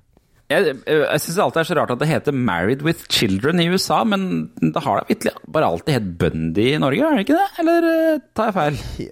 Het ikke Gift med barn? Det kan ikke hete det. det Ja, aldri var det ikke det, da? Nei, jeg husker ikke, husker ikke hva det het på norsk, altså. The Bundy Family? Ja, jeg vet da søren. Men eh, Jeg synes bare det er så rart å tenke på sånn i ettertid, de folka som var med i den serien, at hun Katie Sagal blant annet eh, spilte hun eh, kona Peggy. Eh, som nå er liksom sånn hun, hun er jo kjent for helt andre ting nå. Hun er stemme i Futurama. Hun var med i den der motorsykkelserien. Hun har liksom motorsykkelserien? Hva er det den heter for noe? Den derre um, Sons of Anarchy. Sons of Anarchy, ja. Ah, har jeg ikke sett. Jeg har fått den anbefalt så mange ganger. Har aldri sett den. Og han Ed O'Neill, som nå er blitt kjent for en helt annen serie. Han er med i Modern Family. Modern Family. Ja. Og er det- på, på mange måter en nesten bedre likt karakter. eh, I hvert fall eh, helt der oppe, den òg. Og Christina Applegate har jo vært med ganske mye. Men hva er det egentlig han sønnen har vært med i? Altså han Davin David Faustino? Nei, ingenting. Han er borte. Han er, han er borti kålen? og både han og de der naboene, de har heller ikke dukka opp i så mye. Ja, ja. Hun derre Ja, og han og Jeff, Jeffers, Jefferson. Han er liksom muskelfyr for øvrig, eh, han er Jefferson. Men det var jo han nummer to. Ja, han er Kjersti Lomdø. Han er vel, eh, så vidt jeg har skjønt, så er hun blir vel bare sammen med han på en eller annen sånn der company retreat. Så begynner å kline, og så blir han med hjem, og så ender han bare opp med å bo der, tror jeg, for å Han har ikke noe penger. Jeg tror det er sånn de eh, partnerskapet starter for de to. Men Første heter vel noe Steve eller noe sånt? Ja, ja, Jeg stemmer det. Han eh, drar vel for å bli sånn der eh, Mountaineer i Canada, eh, for sånn calling. Han kommer hjem i en episode, men jeg husker Uansett, da, så eh, Nå viser det seg at de prøver å få lagd en animert versjon av Married with Children, hvor alle, hele castet, kommer tilbake igjen for å spille. Det er det i hvert fall sagt at de skal gjøre, da. Uh, den Det er kommer til å bli spennende. Ja, gjør det det? Jeg, det Men, men trenger vi det? Nei. Altså Vi har Family Guy hvor det er nøyaktig de samme karakterene. Ja, og det er noen Family Guy-folk som står bak dette her og prøver å få det produsert. Så jeg skjønte. Ja, jeg skjønner ikke jeg heller. Eh, Og, og, og disse skuespillerne er jo nå oppe i åra. Har jo noen helt andre stemmer enn de har nå. Har det gått like lang tid liksom i, mellom serien og det animerte? Eller hva, hva er greia? og det er jo bare kvinnenedlatende greier og sexvitser. er jo hele premisset for hele serien. Ja, egentlig. det, og, og som alltid så er det sånn derre Å, jeg vil ikke ha sex i dag, Peggy. Nei. Og hvorfor vil du ikke det? For hun er jo den peneste personen i hele serien, hun dama der. Så jeg skjønner ikke Ja, helt eh, altså, dattera var jo ganske så Ja, snasen, da. også. Men hun er vel sånn eh, 16 år gammel. eh, det, det var ikke innafor da. Det var, eller jo, det var innafor da, for da var vi i samme alder. Men uh, nå er det ikke det lenger. Nei. Nei, for Men- nå men er ja, vi så dessverre mer på Peggys alder. De er, jeg tipper at Al Bundy på en måte er like gammel som oss eh, i den TV-serien. Det er litt trist å tenke på, men uh... Hva da, 25? Eh, Ja, ikke sant? Han er jo ung, ung far. Ja. Um, nei, det, ja. så det, er, det er det jeg ikke helt får til å gå opp her. Jeg lurer på hvem som er sånn vi, ihuga Bundy-fan fortsatt Og i det, 2022. tror, og det tror jeg mange borti USA ennå. For det er jo en serie som traff veldig mange på den tiden. Og bare tenk på all den nostalgien vi har for f.eks. svenske Bompibjørnene. Så ja, Mm. det er garantert mange som fremdeles tenker på det med godt hjerte, holdt jeg på å si. Og Det med går tanke på sikkert hvor eh, priser fortsatt, gjør det ikke det? Det jeg tror, ja, ja. Og med tanke på hvor uh, dritt USA er, så det, jeg, tror nok, jeg tror nok folk liker verdiene, da, i, eh, i uh, den serien ennå. Så vidt jeg har skjønt, så har eh, Verdien. Ja, verdien, ja. Som er Vær et rasshøl og hat barna dine, hat kona di. Hver kvinne Prøve det hjemme og se hvordan det går. Ja. Nei, jeg, jeg tror ikke det funker her, men jeg tror det funker i store, eller flere deler i USA. Store deler blir kanskje feil, men Texas, der funker det ennå. Visste du at det for øvrig er en av debutrollene til han der eh, Joey fra Friends? Han eh, dukker opp i den Bundy-TV-serien eh, på et eller annet tidspunkt og er, Ja, er kjæresten. Ja, Mm. mm. Da jeg tror jeg jeg har sett den, når jeg tenker meg om. Ja. Uh, og det, en av de mest kjente tingene i den serien er jo at de stifter den derre No Mam-foreningen. Uh, som, uh, som holder møter i kjelleren til Al, da, hvor de eh, bare går ut på at de hater konene sine. Og han, eh, Jefferson er jo med der, han også. Han er kona er mannen til naboen. Men hver gang hun dukker opp, så skifter han T-skjorte til Yes Ma'am istedenfor uh, Ah, det er gøy. Det syns jeg er en av de beste tingene. Så sånn er det. Vi, vi har vel ikke særlig troa på en Bundy-serie. Har vi vel det? Jeg skal Vi- se sånn- den. I hvert fall, ja. fall sveipe innom for å se hva har de gjort, på en måte. Men eh, nei, Ja. Eh, vi skal over i sport. For det mm, EA Ja, det, dette er en, et tema du gleder deg til å snakke om, eh, tror jeg, Tom. Men det er jo at eh, EA avslutter eh, Fifa-samarbeidet sitt. Eh, og det, det som jeg syns er spennende med det, er at eh, Electronic Arts, Arts, eller EA, er jo kjent som et ganske ondt selskap selv. Så når de avslutter samarbeidet med et uh, selskap pga. at det selskapet er ondere, da tenker jeg at da har du lagt lista ganske høyt for ondskap. For Men uh, er, det handler ikke egentlig bare om penger, er det jeg tenker. Fordi Fifa krever noe enorme lisenspenger for å få lov til å fortsette å bruke navnet deres. Jeg skumma litt i artikkelen, og der sto det at eh, de krever eh, 150 millioner dollar årlig. Men det var det de krevde. Det var det de krevde. Nå vil de doble det. De vil ha Ja. 300 millioner dollar årlig for eh, Fifa-navnet. ja, Fifa er noe piss uansett. Altså, han Åssen var det? Uh, han, han Jeg leste en artikkel om det for litt siden. Han der sjefen for Fifa, han det hadde vært i Qatar og bare sånn Ja, nei, her skal homofile være velkomne, og det er ikke noe problem. Her ingen skal bli satt i fengsel for å være homofil, og alle skal bli uh, Alle skal bli verdsatt, og likestilling og hele pakka. Og det var vel sånn cirka rett etter at han hadde gått ut fra flyet fra Kina. Så det er jo sånn Ja, vi tror på det! Vi tror på NRK deg. eh, kjørte jo sak på det nå, hvor de prøvde å booke De utga seg for å være et homofilpar og prøvde å booke hotell i Qatar eh, i forbindelse med, med VM. Og da var det var vel eh, fem av de hotellene som ikke ville la dem booke i det hele tatt. Og det var de som var godkjent av eh, Fifa som, eh, som eh, hoteller man kunne bruke under VM. da. Så jeg tror kanskje hvis man er homofil Jeg tror ikke du skal dra til Qatar selv om det er VM, og selv om de sier at det er lov for homofile akkurat når det er de fotballkampene. Nei. Jeg tror du skal unngå det. Nei, jeg ville nok latt være å holde hender i gata, i hvert fall. Ja, ikke sant? Ja, det er nettopp. eh, Ikke for det. Nede i India så er jo bestevenner holder jo lillefingre. Eh, det, det er en sånn greie, har jeg forstått. Å holde lillefinger, da, da er det bare sånn Nei, vi er kompiser, vi er gode venner, liksom. Uh, så ja, hvorfor ikke? Uh, gjør det, ja, da. jeg mistenker at det er litt annerledes i Midtøsten. I hvert fall i Qatar virker det som det er rimelig mer solid håndheving av de reglene. Men det er jo EA skal jo fortsette å lage fotballspill likevel, så de eh, kaller jo om spillet sitt til EA Sports FC. Og de, de skriver at de, dette her ble visstnok sagt på et sånt intern, eh, internt møte. Men eh, Fifa-merkenavnet det er mye verdt når det er VM. Det er hvert fjerde år. Ellers enn det så betaler de bare for de fire bokstavene, er det som har blitt sagt internt. da. Ja. Hva, og, Men det er jo, altså det er jo en spillfranchise, ikke sant? Og de har jo veldig mange som spiller Fifa, kjøper det jo hvert år. ja.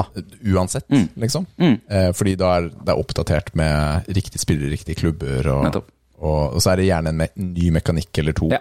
Men det, er, men det er ikke mye forskjell. Altså Det er kanskje litt bedre dribling i det spillet. Eller, De to siste årene har de introdusert story mode. Så det, da har de faktisk fått en liten ekstra sånn der dings på, da. Nå, for nå kan du nemlig følge en britisk eh, fotballspiller gjennom noen sesonger og noen klubber og ligaer og noe greier.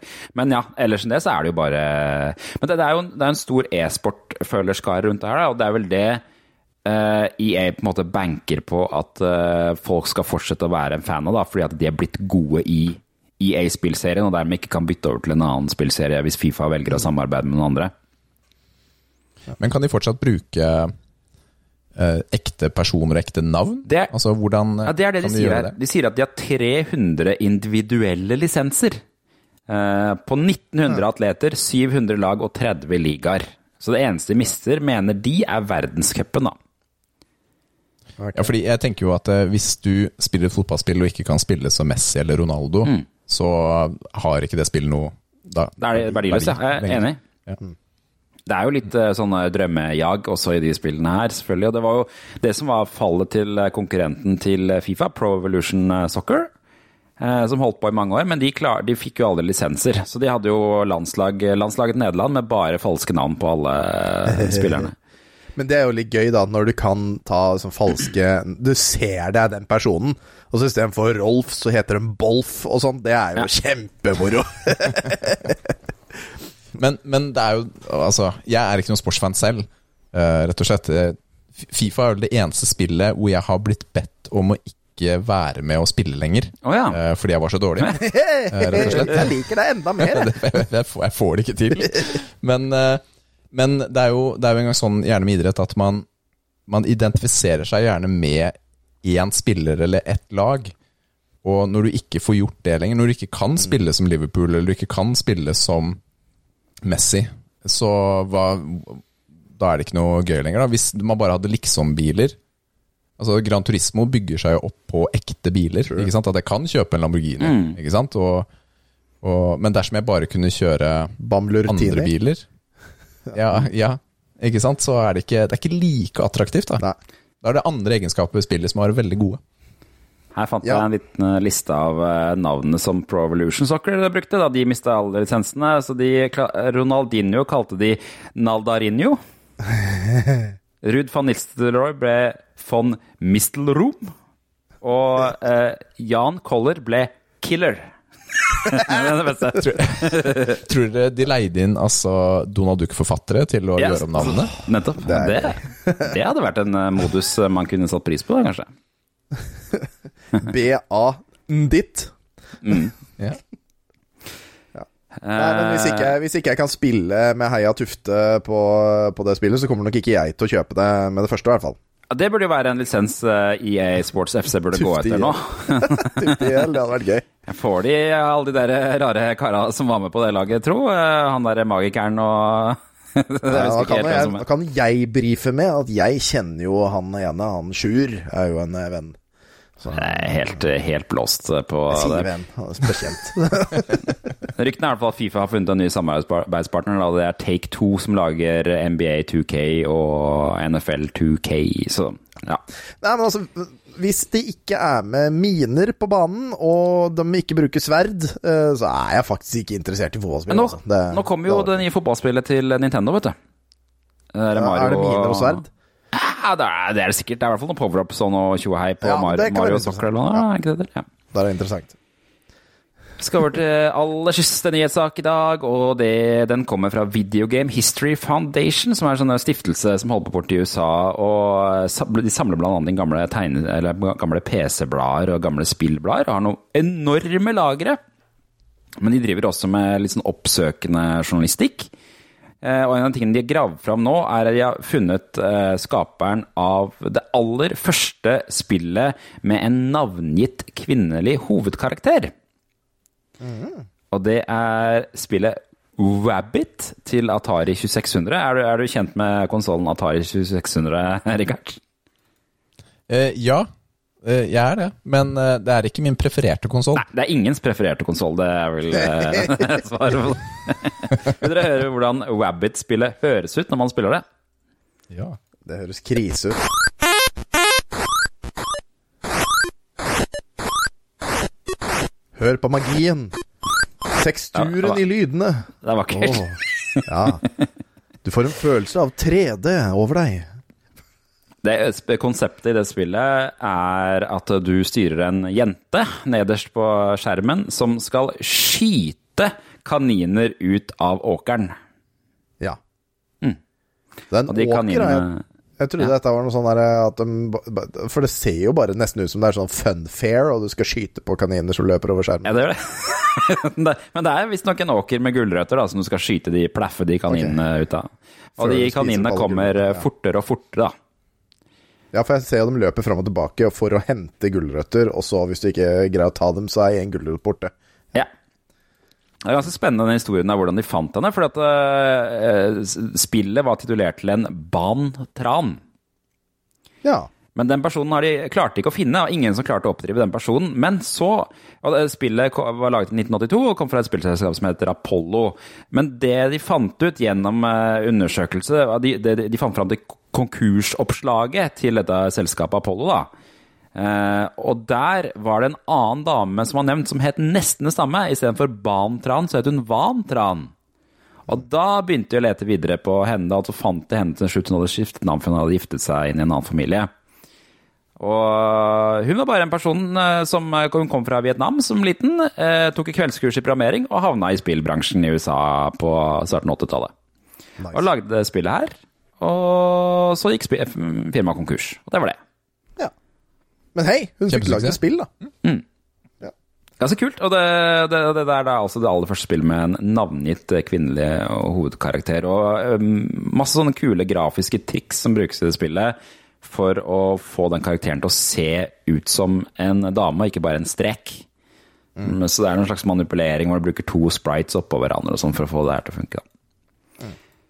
Men eh, det er kult Det er kult at de liksom graver i sånne ting, for sånne ting er jo gjerne ting som blir bare glemt i historien. Og hadde det gått 50 år til, så hadde jo ikke de klart å få tak i den personen og intervjuet henne i det hele tatt.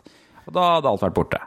Og dette det er jo sånn... typisk sånn eh, Sånne ting som har å gjøre med den første kvinnelige personen som gjør noe i en industri, og liksom Ja. sånne ting er ganske viktig å preservere.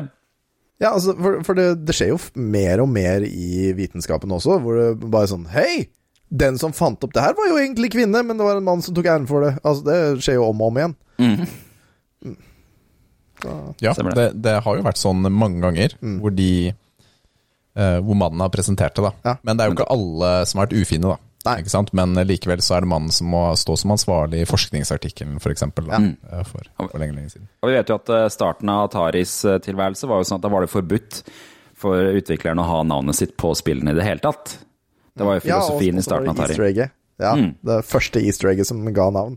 Det var jo han velkjente sjefen i Atari som mente at uh, spillutviklerne var ikke mer verdt enn de som monterte spillene på lageret. Ja, så cirka det samme som alle hos eh, EA og Blizzard. Ja, nettopp, nettopp. Så det er gått litt tilbake igjen, det da. Ironisk nok, så det, det selskapet som endret på det, var jo Activision, som brøt seg ut av Atari og begynte å lage tredjepartsspill. Og nå er jo de tilbake i helvete, de Activision-folka, da. Så Ja, livet er en sirkel, vet du. Det er det. det, var, det var ukas siste nyhet, og nå skal vi rase videre på resten av tullet på lista vår. Og det første du skal få, er fun facts fra Tom. Skal jeg bare spille jingeren her?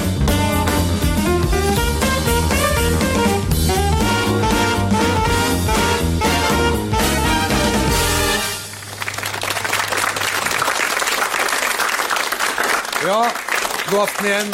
Velkommen tilbake.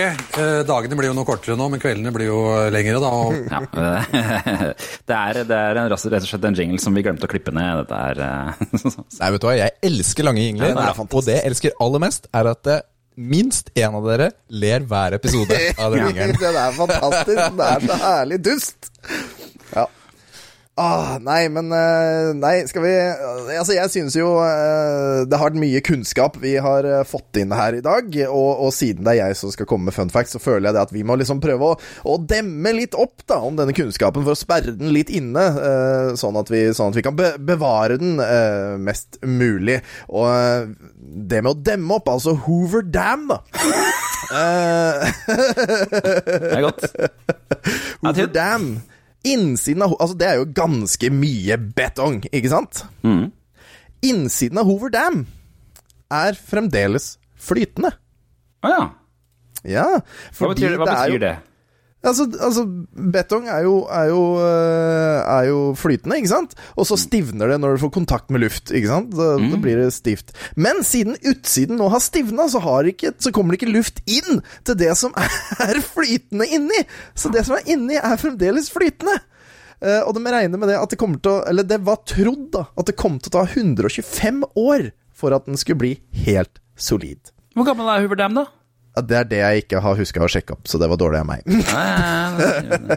Men det er det de tror, da. Så, men, øh, så det, det Man, man kan støpe betong i flere lag, så man slipper å vente så lenge før det tørker. Det har de da tydeligvis ikke gjort. 1931 står det her, så det er ikke så lenge den er 100 år, da. ja, nei, men da, Og da kommer det jo da fremdeles til å være da mm, 30 år til, da, ish, før han er kanskje er bunnsolid inni. Så det er jo litt artig. Eh, men, Det er, hvis dere noen gang reiser dit, så vil jeg veldig anbefale å gå inn på et av toalettene, som er midt på dammen. Ja. For det er skikkelig sånn der gammel art deco-stil. Eh, så det er, sånn, det er råflott. Du kommer inn på toalettet, og så er det sånn dritstilig eh, offentlig toalett midt oppå eh, dammen der. og her blir det dritstilig å drite, tenker du da? ja, Det er jo ikke god utsikt, da, men selve måten det er, Er det designet god på, er Det hadde vært kult om det var vindu der. Ja, bare det vindu midt i- ut fra liksom, Du ser bare rett ned. Holy shit! Bokstavelig talt. Det er bokstavelig talt en tapt mulighet, da, fordi den er jo på den siden av dammen hvor det er Ja, utsikt. nettopp. Ja, ikke sant? Det er, fy faen, så dumt at ingen kan se inn heller. Altså, jo, nå har de droner. Det hadde sikkert gått. Ja. Men eh, no, eh, noe som eh, også ikke er helt solid, er jo eh, vår kunnskap om dinosaurer. Ok, ja, Eh, men, spennende men, hopp. Men, men eh, en av de tingene vi vet om dinosaurer, da, det er jo at de er delt inn i to hovedgrupper. Og det er de dinosaurene med uh, fuglelignende hofter Ah. og uh, øglelignende hofter.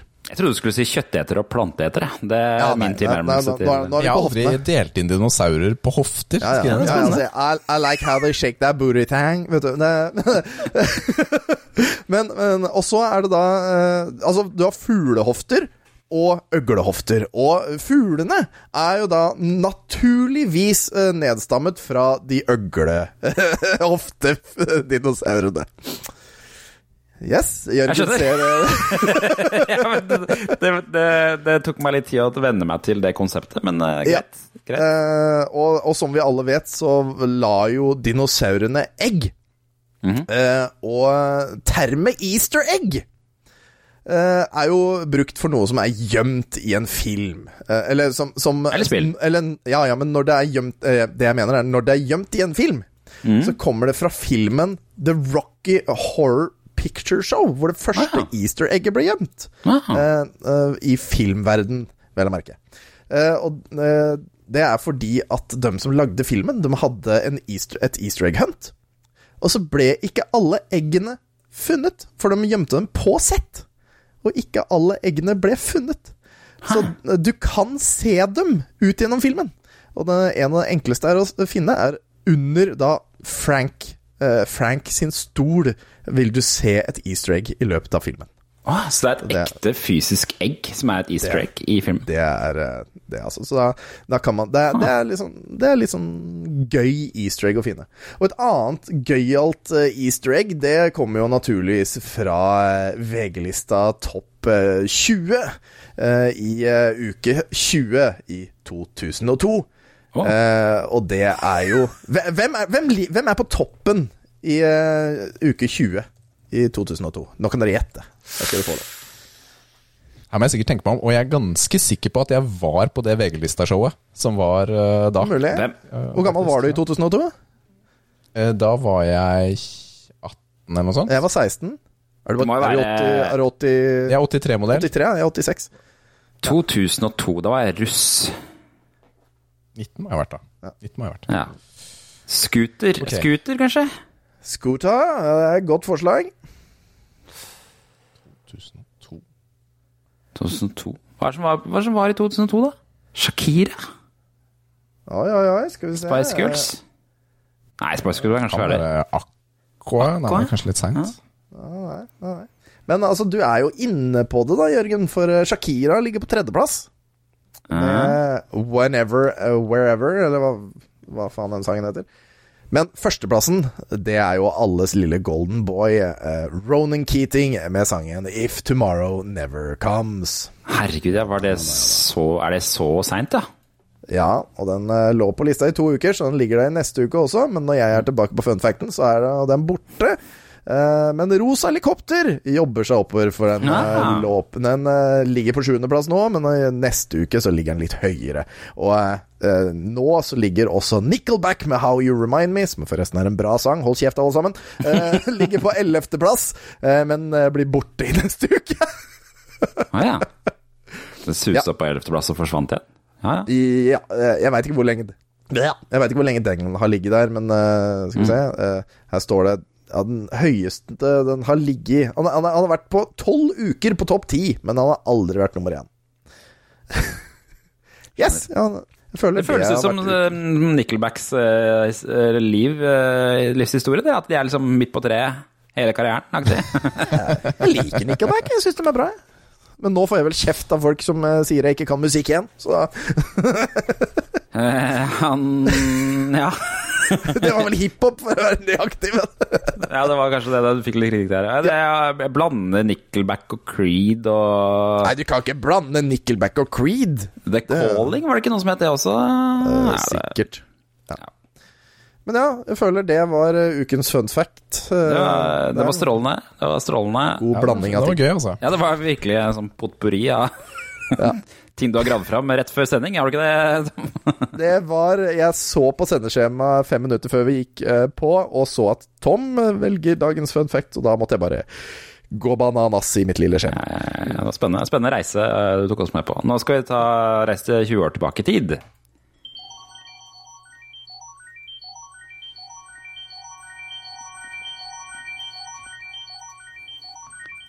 Det er, det, det, det er alltid like spennende å sjekke. Eh, Vi skal jo til forsida på VG. Det er eh, lørdag 18. mai 2002. eh, Som betyr at 17. mai var på en fredag, og det er kjipt, for da er det ingen inneklemt fridag. selvfølgelig. Ja, det er skuffa. Det er skuffende, altså. Det er det. Det er sånn. Det er, det er jo på en måte det, Da er hele gevinsten med 17. mai borte, på en måte. Men, eh, men uh, gevinsten er på forsida av VG, for Orderud-familien er selvfølgelig tilbake igjen. De tar, de tar, I 2002 tok de nesten aldri ferie fra forsida på VG. Sammen med Mette-Marit. Det er liksom de to stayerne. Det er de med staying power. Ja. Ja, de klarte å klippe inn et sånn lite bilde av henne. Altså, legen og Mette-Marits hud. Dette går bra. Ja, hva, Hun har en er på det Hva kinnet. foregikk med Mette-Marit i 2002? Noen hudproblemer har hun, og han faren er stadig vekk eh, med på ting. Og Ja, men det var jo midt oppi dette her at hun skulle bli nye kronprins eh, Eller kron, krondronninga, holdt jeg på å si. Kronprinsessa. Så det er ikke rart at det var litt Krondronningen, som det heter. Krondronning. Så det er ikke så rart at det ble litt rart. Du, det må gå an å Altså, han som skanna den siden her hos VG, han, han hadde ikke en god dag på jobben. Altså. Ja, men det har han bare ikke reiv hatt. av siden. Altså, Ja, det du, du, Og bare la den ned i den der printeren, kopimaskinen sin, og så Det får være om hele siden her. Der, Og så satt han, måtte han satt litt fyr på den delen av VG. På, men ja, det var rare greier. Og så er han skeiv, og nei, nei, at det går er tror du bare har gjort det veldig fort. Hvis, hvis du ligger an til å bli dømt for trippeldrap, så eh, er det kanskje et sitat jeg ikke ville gått ut med på forsida av VG, og det er Per Orderud i strid med bobestyrer. Alt på gården er mitt! Med store bokstaver på mitt. Det, det, det ville jeg kanskje ikke stilt opp med hvis jeg var Per Orderud. nei, Også sokken. Ja, nettopp. hvis det er ting som kan dømme deg, ja, det er kanskje litt dumt. Og spesielt den sokken. Få den tilbake. Jeg fikk ikke med Hva er den sokken? Det er, det er ting jeg ikke har fått med meg. Orderud-sokken, det, var jo på en måte, det er vel det eneste bevismaterialet det egentlig gikk etter i uh, rettssaken til slutt, var det ikke det? Du, jeg eh, har med vilje eh, holdt meg unna dette her, jeg. Eh, Det er ikke så... Også nå i nyere tid, med nye dokumenter. du vokste jo opp i nærheten av det, har vi jo lært nå. Du, ja, ja. Og jeg har en eh, tidligere kollega og venn som eh, vokste opp på nabogården. Ah, Så ja, i Sørum der. Og han eh, Han mangler en sokk. Ja, han, har, han mangler en sokk. han har for øvrig Lamborghini-traktor, jeg bare sier. Mm. oi! Vi må snakke med han nå. Faen. Ja. ja, altså det eh, Det er ikke helt det samme. Nei, det sånn. nei, nei. Ja, det er ikke det. Yes. Nei, det, så, det, så, det er, det, så det betyr at vi hopper bukk over den der forsida og de sakene som var der, og går rett på denne lille notisen som jeg fant eh, litt lenger inn i VG. Eh, Og dette her er så 2002 som det går an å bli. Eh, Gud, mer pop enn kino.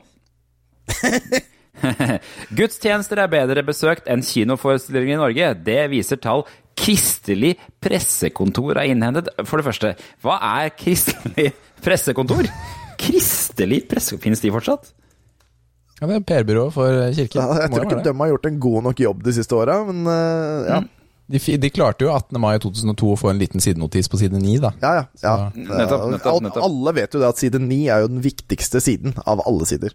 Og da, da føler jeg da var det kake på Kristelig pressekontor, når den gikk gjennom. Her står det i fjor var det 100 nordmenn i gjennomsnitt på hver hovedgudstjeneste i Den norske kirke. Dette er dobbelt så mange som besøker hver kinoforestilling her i landet. Er det det? Ja, men det har jo ikke noe, ja, men det har jo ikke noen betydning, det, for det går ræva filmer hele tida. Ja, i 2002. ja, Det er det som er problemet. Ja, Og så er det hver kinoforestilling. Så det kan jo være det at å, nå har vi alle sett Batman. Nå, gidder, nå er det ikke flere som gidder å se den. Så ergo så De neste 15 forestillingene var det bare uh, 73 på, da. Så, så vil jo fremdeles da Kirken vinne. Altså, det er jo bare dårlig statistikk presentert som noe pent. Ja, også, ja, ikke sant. Øh, øh, og, jeg føler at hvis det er en begravelse Nei, det er hovedgudstjeneste, ja. Ja, Hovedgudstjenesten er altså søndag. Det er søndag. Det er søndag. Mm. Ja. Det står her sitatet Vi hører ofte at det er stor oppslutning til kino- og fotballkamper, mens det er liten interesse for det som skjer i kirken. Men disse tallene viser at dette ikke er riktig, sier kirke- og øh, kulturminister Valgeir Svarstad Haugland. da. Men her har hun plukka tall som er i døms gunst, og det, det teller ikke. Det går ikke an. Det er jo derfor vi har det klippet. Ja, men altså, jeg syns jo Ja. Altså, jeg syns jo 100 stykker på hver eneste gudstjeneste ikke hørtes så gærent ut. Nei, det var ganske imponerende. Så i til- Jeg kan ikke skjønne at det stemmer. Ja. Jeg tror, jeg, Nei, tror jeg- ingenting på det. Det er, Nei, fake news. Ja.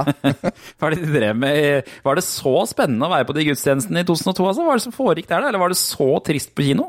Men altså, det, jeg. det, nei, men det jeg tror det er snakk om, det er at det er 100 nordmenn i gjennomsnitt per hov, eller hver hovedgudstjeneste Mm. i landet. Altså det er 100 stykk i landet som Ja, går i kirka på søndag. Hvor mange hadde dere? To? Vi hadde fire. Ja, ja, vi slår de sammen. 100. Sammen blir det seks. Men det, være, det kan, kan hende også at det var på nippet til at mange sånne bygdekinoer eh, skulle legges ned i 2002, som kanskje ikke Ja, ja, ja. hadde plass til mer enn sånn ti stykker eller noe sånt. Og da er det klart at hvis de er med på å dra ned snittet, så kan det jo være dårlig, da. Og, For det er ikke så, og hadde kirker er ikke så små.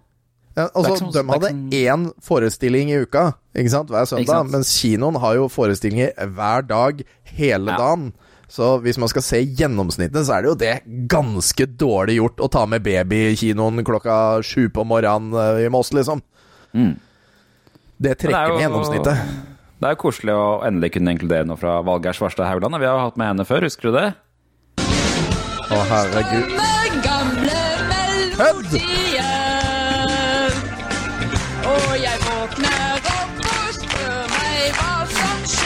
skjer. Og du er så glad i den der. Du er så glad i den. Jeg merker jeg ble ski- Jeg ble tatt litt på senga. Det, det var veldig fint. Det var veldig fint. Nei, jeg bare angrer på at jeg ikke det, finner ikke klippet hvor hun synger refrenget, for det er enda bedre, skjønner du. Men, um, men det skal man finne en finne. dag. Noen finner det for oss. Men skal vi snakke om han derre 22-åringen som stjal fire til seks kasser øl i uka? Som er på samme Det er mye godt stoff i VG anno 2002. Jeg syns, jeg syns han også var ganske fin. Jeg måtte jo se på den der. Stjal øl hver tirsdag. Åssen gjør du det? Ja, så, så, står det Vi kan jo sjekke ut den her. Omtrent hver eneste tirsdag i tre år stjal 22-åringen fra Stryn fire til seks kasser øl fra arbeidsgiveren. Hvor er det han jobba hen, da? Bakrusen er 90 dagers ubetinget fengsel. Jeg, jeg aner meg helt Men han solgte dem for 20 kroner flaska. Og det gir en ganske god profitt å, å holde på sånn som dette her, altså. Altså, Hvor mange, mange flasker er det per kasse? 24, er det ikke det? Jo, er det ikke det? Det står 24, og så tjente han eh, 20 stykker, og så sier han tok eh, fem kasser i uka, og så holdt han på i tre år. Hvordan ble ikke det lagt merke til? 360 000 tjente han på det, 360 hvis han solgte på den måten. Men han solgte jo litt billige kasser da underveis, står det. 20, 200 kroner. Ble ikke noe Lamborghini på han. Det kan hende det var billigere priser på de i Al altså, dette her var i 2002, og da kosta Mm. Lamborghini 90 000 og sånn, vet du. Ja, ja, ja. Ja. Men han eh, måtte jo bare betale 88 000 kroner i erstatning og Ja. 15 000 kroner i bot, så han, har, han tjente jo det. Jævlig bra! Så bare, hvis, bare, mm, hvis han ikke hadde en veldig god jobb, da, sånn at det ikke taper mye penger på den 90 dagers eh, fengselsdommen, så er det jo eh, pluss av han. Jeg liker han. jeg liker Han Han er- er rollemodell for meg, han, kjenner jeg. Ja, han har eh, business-minded. Jeg bare, jeg bare skjønner ikke I midten her har vi også Oi, sorry, altså, jeg hoppa. Jeg, jeg- jeg, jeg bare så den Aibo-hunden i midten. Ja, den, den er ganske fint. Men jeg, jeg skjønner ikke hvordan han greide det. Altså, hvordan legger du ikke merke til at, du, at tre, tre eller fire til seks kasser med øl blir stært hver uke? Det er dårlig butikksjef. Ja, det er dårlig, altså. Vi er fire-seks kasser manko i denne uka her òg, gitt. Ja, ja, ja. Helvete, jeg skjønner ikke hvordan dette regnestykket Hvorfor ble han nordlending? Ja. Det må være et spøkelse eller et eller annet som opererer her. Ja, ja. ja, robothunden også er jo ganske fin, da. Den er jo Ja, det. er dette her debuten til Aibo? For den ble jo et litt sånn der eh, kulturelt fenomen. eh, Ble den ikke det? da? Ja, jeg tror dette er i nærheten av debuten hans. Jeg tror det er første generasjon. Så Så det er to av Sonys nye underholdningsroboter, Aibo, leker med en ball på Aibo Expo i Tokyo. det kommer jo tre generasjoner. Jeg har jobbet i Sony, og på kontoret så hadde vi alle tre generasjoner. Ja. Ah, så du syns den der var ganske artig, den at den dukka opp? Ja, den er litt sånn artig. Den, Jeg husker jo, Den dukket jo opp i, i musikkvideoen til Janet Jackson på en eller annen gang på 2000-tallet. Der er det jeg forbinder eh, med den der Aiboen. Men jeg jobbet med eh, en en gang som hadde japanske svigerforeldre, og de hadde uironisk Aibo hjemme hos seg, de, de besteforeldrene der, eller, eller svigerforeldrene. Ja. Så de koste litt med å jo- bodde der. men det er jo mange steder i Japan hvor du ikke kan ha husdyr. Altså De har jo sånne der katteklappekafeer og sånt, bare så du kan komme og ha kjele med dyr. Fordi de får ikke ha det selv i leiligheten. Så da kan du dra ned på kafé der, der er det 20 stykker som henger, og så kan du bare klappe litt. Og så, Klappe litt katt! Jeg klapper litt katt. Det er sant! Der er det mye statisk elektrisitet, tror jeg, nede på de der kafeene. Og da, og da er det mer Da skjønner man liksom litt mer. Ok, hvorfor har du en robothund? Ja, den er i Kan ikke, Nei, kan ikke han der eh, vaktmesteren komme og klage Og så kommer de japanerne til- på besøk til Norge, og så det er katter overalt. Ja, vi blir faen ikke kvitt dem, vi prøver å ta livet av dem, men den kommer overalt! Ja, fem! Jeg vet ikke hvorfor! Ja, for kan de interagere med hverandre, de eh, Aiboene? Tror jeg er de Den første generasjonen var jo ikke tidenes robot, da, kan vi si. Det hadde vært gøy om de kunne bli kamp Den hadde den ballen sin, da. De kunne slåss mot hverandre. Åh, da snakker vi, vet du. Den, hva heter den der filmen med, med Wolverine, holdt jeg på å si? Eh, hvor han styrer en robot som driver og slåss med boksekamp. Real oh, ja. steel! Real steel! Riktig. Mm. Bare sånn, sånn, vet du, med hunder. Ja. Ja, kunne vært kult. Real Eh, dogs. altså, VG har jo også en sånn spalte hver uke som vi ofte ikke snakker om, men de har ukens vinnere og ukens tapere. Så jeg tror vi har vært innom det en uke for litt siden. Ja, men det, gang. det er jo liksom 17. mai-tider i 2002 også, og en av de som er ukens vinnere her, eh, har VG kåret Ja, vi elsker til ukens vinner. Eh, og de skriver at en gruppe forfattere ville dikte en ny nasjonalsang, og da ble det ramaskrik. FrPs Vidar Kleppe, så holdt på i 2002, han Vidar Kleppe, ja. Han ville lovbeskytte Bjørnstjerne Bjørnsons tekst. Ja, herre.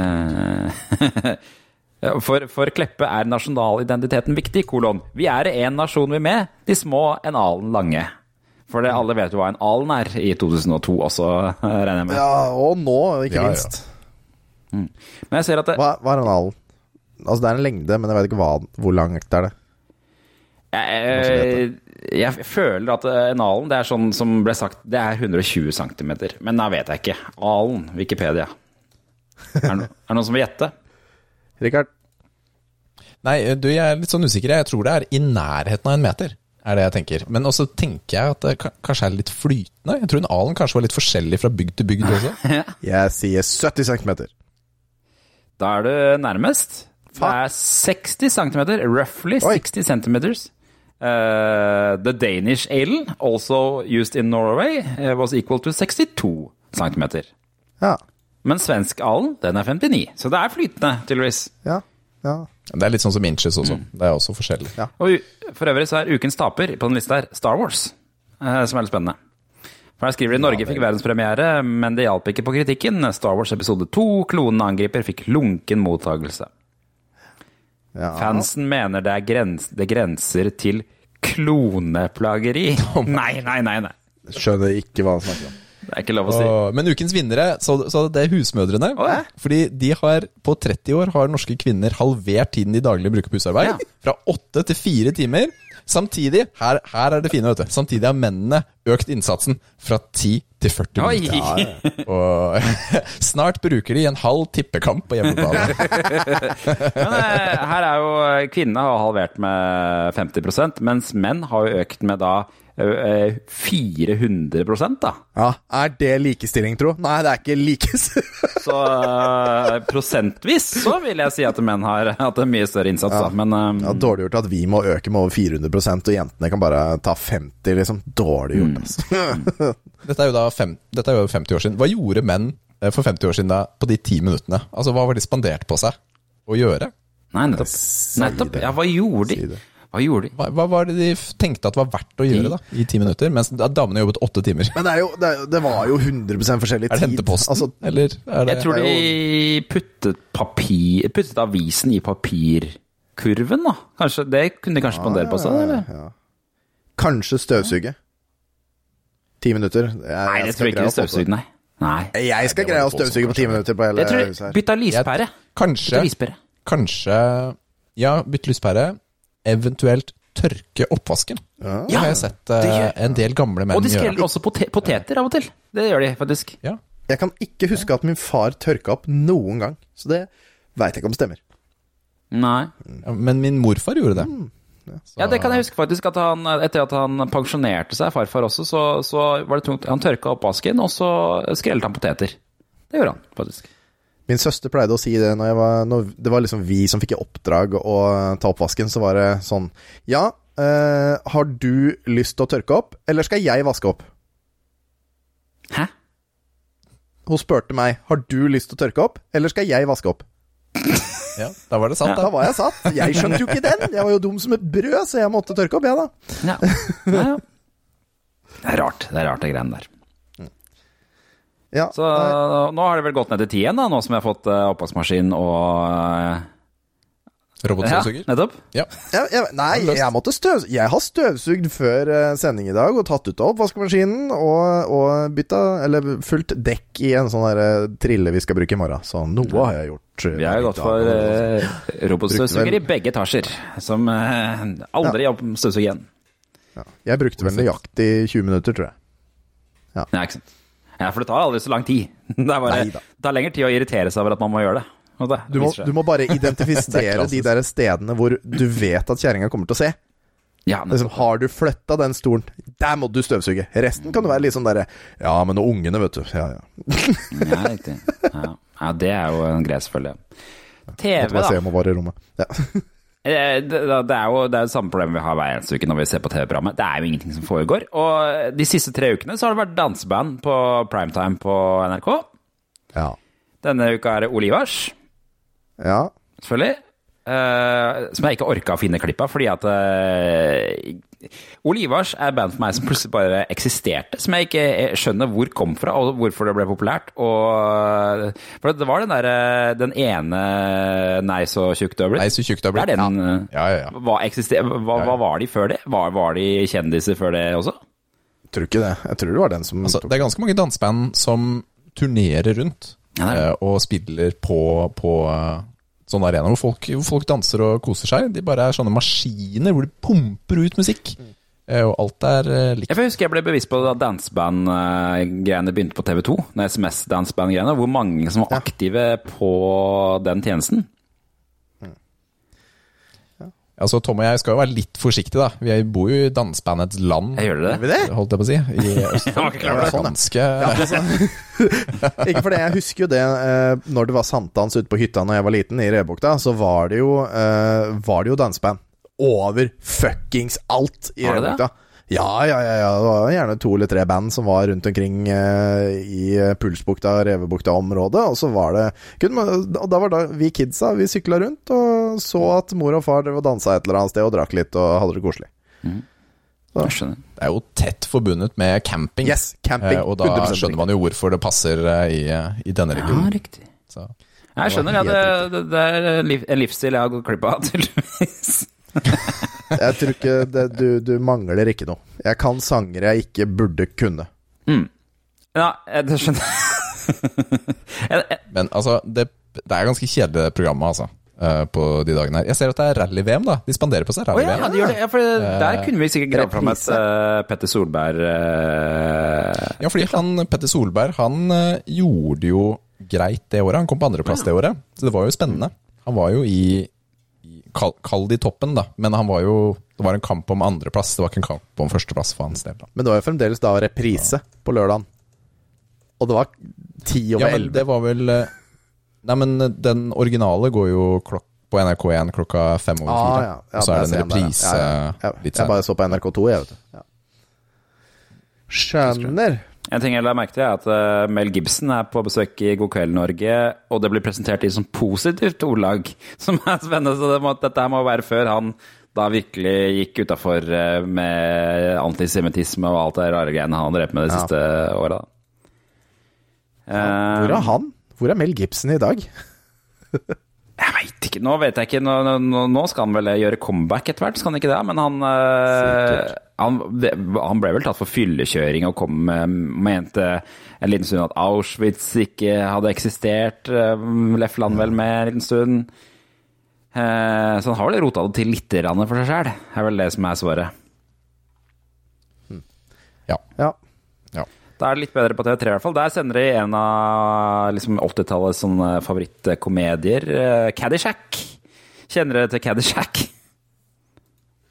Oi, det høres kjent Ja. ut, altså. Hva er det for en? Det er eh, For de som var barn på 80-tallet, husker den egentlig bare for én ting, og det er at det er en sånn derre eh, sånn jordekorn som eh, dukker opp i den filmen, som hopper ut av golfhullene, og så er Bill Murray spiller en sånn der vaktmester som prøver å drepe den muldvarpen, eller jordekornet, på masse forskjellige måter gjennom hele filmen, da. Så han er på en måte en sånn der, slags sånn bikarakter, som egentlig ikke har noe å gjøre med hovedhistorien. Ho- En av de hovedskuespillerne er jo Chevy Chase, som er med i den filmen. Som spiller en sånn avdanka golffyr. Og så er det han derre Hva søren heter han for noe? Han er hovedpersonen sånn eh, Han er sånn veldig sånn der avdanka 80-tallskomiker. Rodney Dangerfield. Som er bare sånn derre sånn Han bare sånn karakter-standup-komiker, egentlig. Um, som egentlig hele komi- komigreia hans var at eh, kona hans ikke likte det han drev med. Sånn, det standupen hans. Men dette var en av de filmene hvor eh, Det var jo én fyr som lagde musikken til alle 80-tallsfilmer. Eh, hva søren er det han heter for noe? Men han, man kjenner den igjen når man hører som sangstilen. Skal vi se. Hør på den her.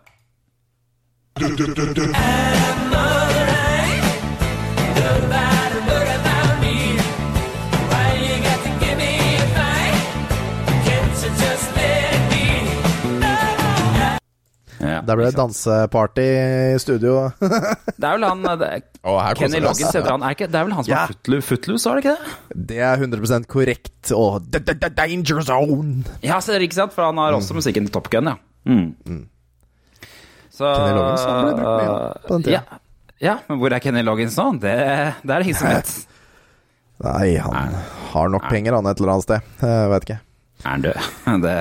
Det, det bekymrer meg for nå. Nei, da lever han. 1948 står det. Født i ja, da. Ja. Det Så, må du få lov til. Ja, så, så sånn er det. Og så la jeg merke til at TV-serien Hercules går på natta etter eh, Sina, var det det?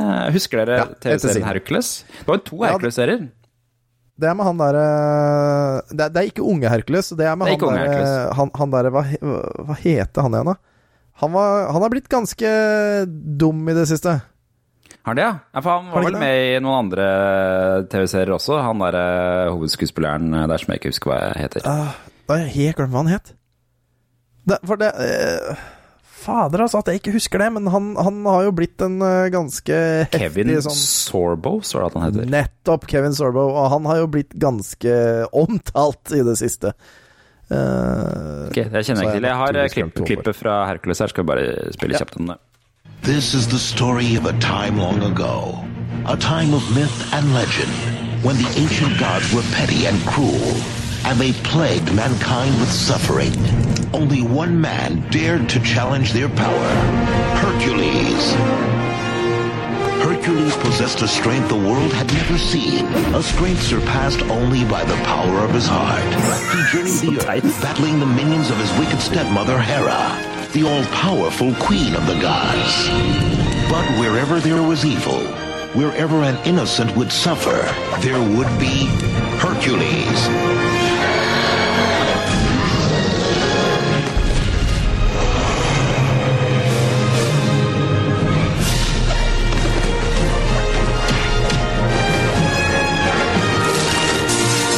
Jeg har ikke merke det før jeg hørte den her nå, hvor mye sånne dumme lydeffekt-slaps og sånn det er i det der.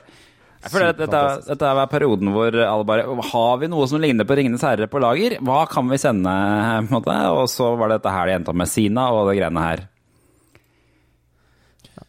Ja, altså, jeg, Hercules, så tenker jeg på Hercules i New York, Ja. ja, med Schwarzenegger. Så det er jo ikke helt det samme.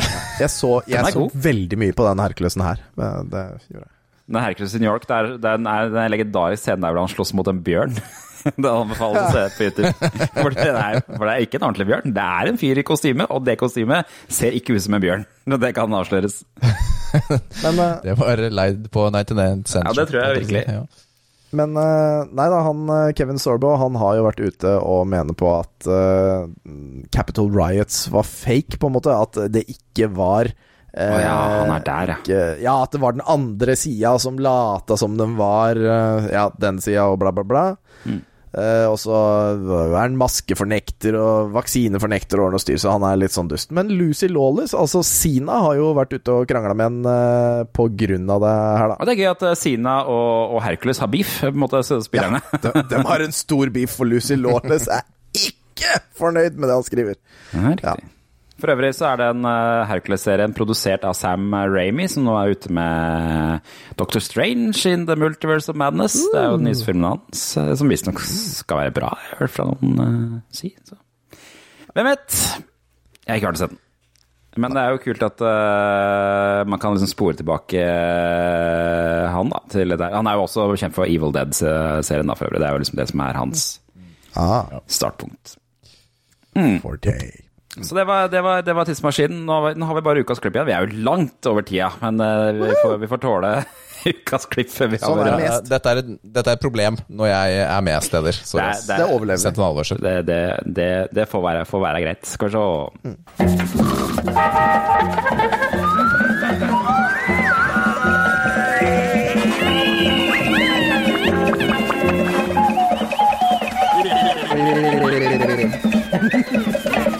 fant ikke noe bedre denne uka, her, så jeg tenkte vi skulle avslutte med en vits fra Radioresepsjonen. uka her. Det er greit. Det er en god, god gammel slager, dette her. Skal vi se, her kommer den. Det var en gang en mann som ringte til vinmonopolsjefen midt på natta. Ja, den likte jeg. Den er god. Altså, den er god. knallstart Dette er Robu-vits av beste merke. Litt beruset sa han Hei, når er det Vinmonopolet åpner? Godt spill. Og da svarer da vinmonopolsjefen, som jeg ser for meg liksom admdir i Vinmonopolet, denne avdelingen. Sover i dress, mer eller mindre. Ikke før klokken ni i morgen, sa vinmonopolsjefen irritert. En time senere ringte den samme mannen til vinmonopolsjefen og sa Si meg, når er det Vinmonopolet åpner? Ikke før klokken ni i morgen, har jeg jo sagt, sier vinmonopolsjefen. Litt mer irritert denne gangen. Enda en gang ringte mannen, denne gangen enda mer beruset. Oi sann. når i helsike er det polet åpner? Og da svarer vinmonopolsjefen i deres tilstand slipper de ikke inn på Vinmonopolet. Sa vinmonopolsjefen. Da sa mannen jeg skal ikke inn, jeg skal ut!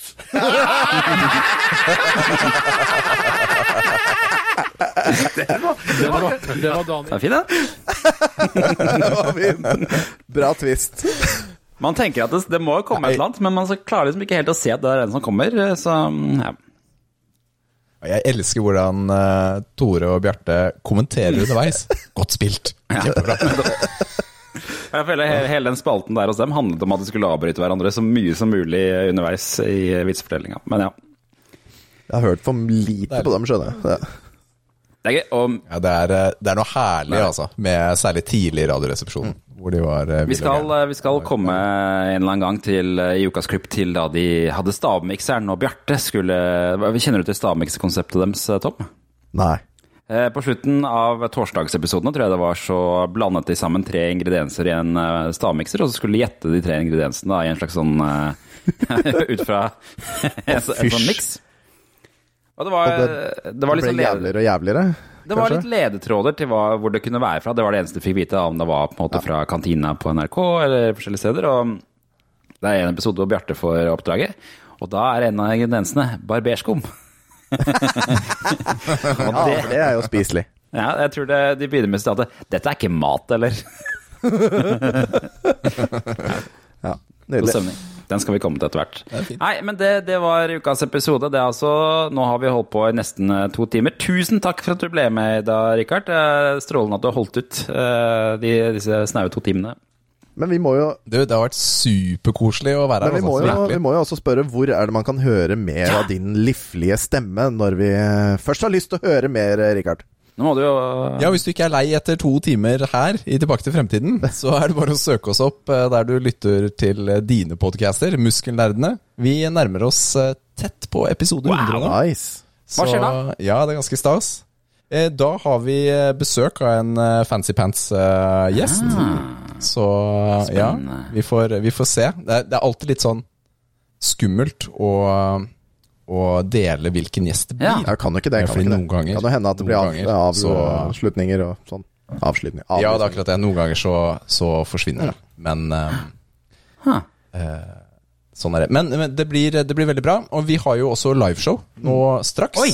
eh, på Taps i Fredrikstad. Vi har blitt invitert av spilledåsene. Mm. Så sammen med Prekas så blir det litt muskelnerdemoro den 28. mai. Og så har de fått seg en veldig fantastisk kommentator også. Jeg har hørt veldig gode ting om den kommentatoren. Ja, det er den aller, aller beste. Ja, og det er Kommentator. meg. Ja, altså, jeg skal, jeg skal bare være en sånn Jeg skal bare si 'her kommer de'. du er master of ceremony. Ja, det er vel det jeg skal være. Oh, Så jeg skal bare si hei. Her er disse folka. Men det blir veldig koselig. Det tror jeg blir kjempehyggelig. Jeg er blitt lova gratis øl for den jobben, så da er det greit. Ja, men det er superstas. Vi, eh, vi eh, snakker jo om spill, trening og pappating. Så for de som har eh, lyst til å høre litt om de tre tingene eh, i forskjellige eh, porsjoner hver gang Altså Vi lover ikke at det er en tredjedel på hver, men vi er innom hver hver Det er på en måte to ting jeg har, er det er delaktig i, og én ting jeg har ambisjoner om. Det er vel greit nok.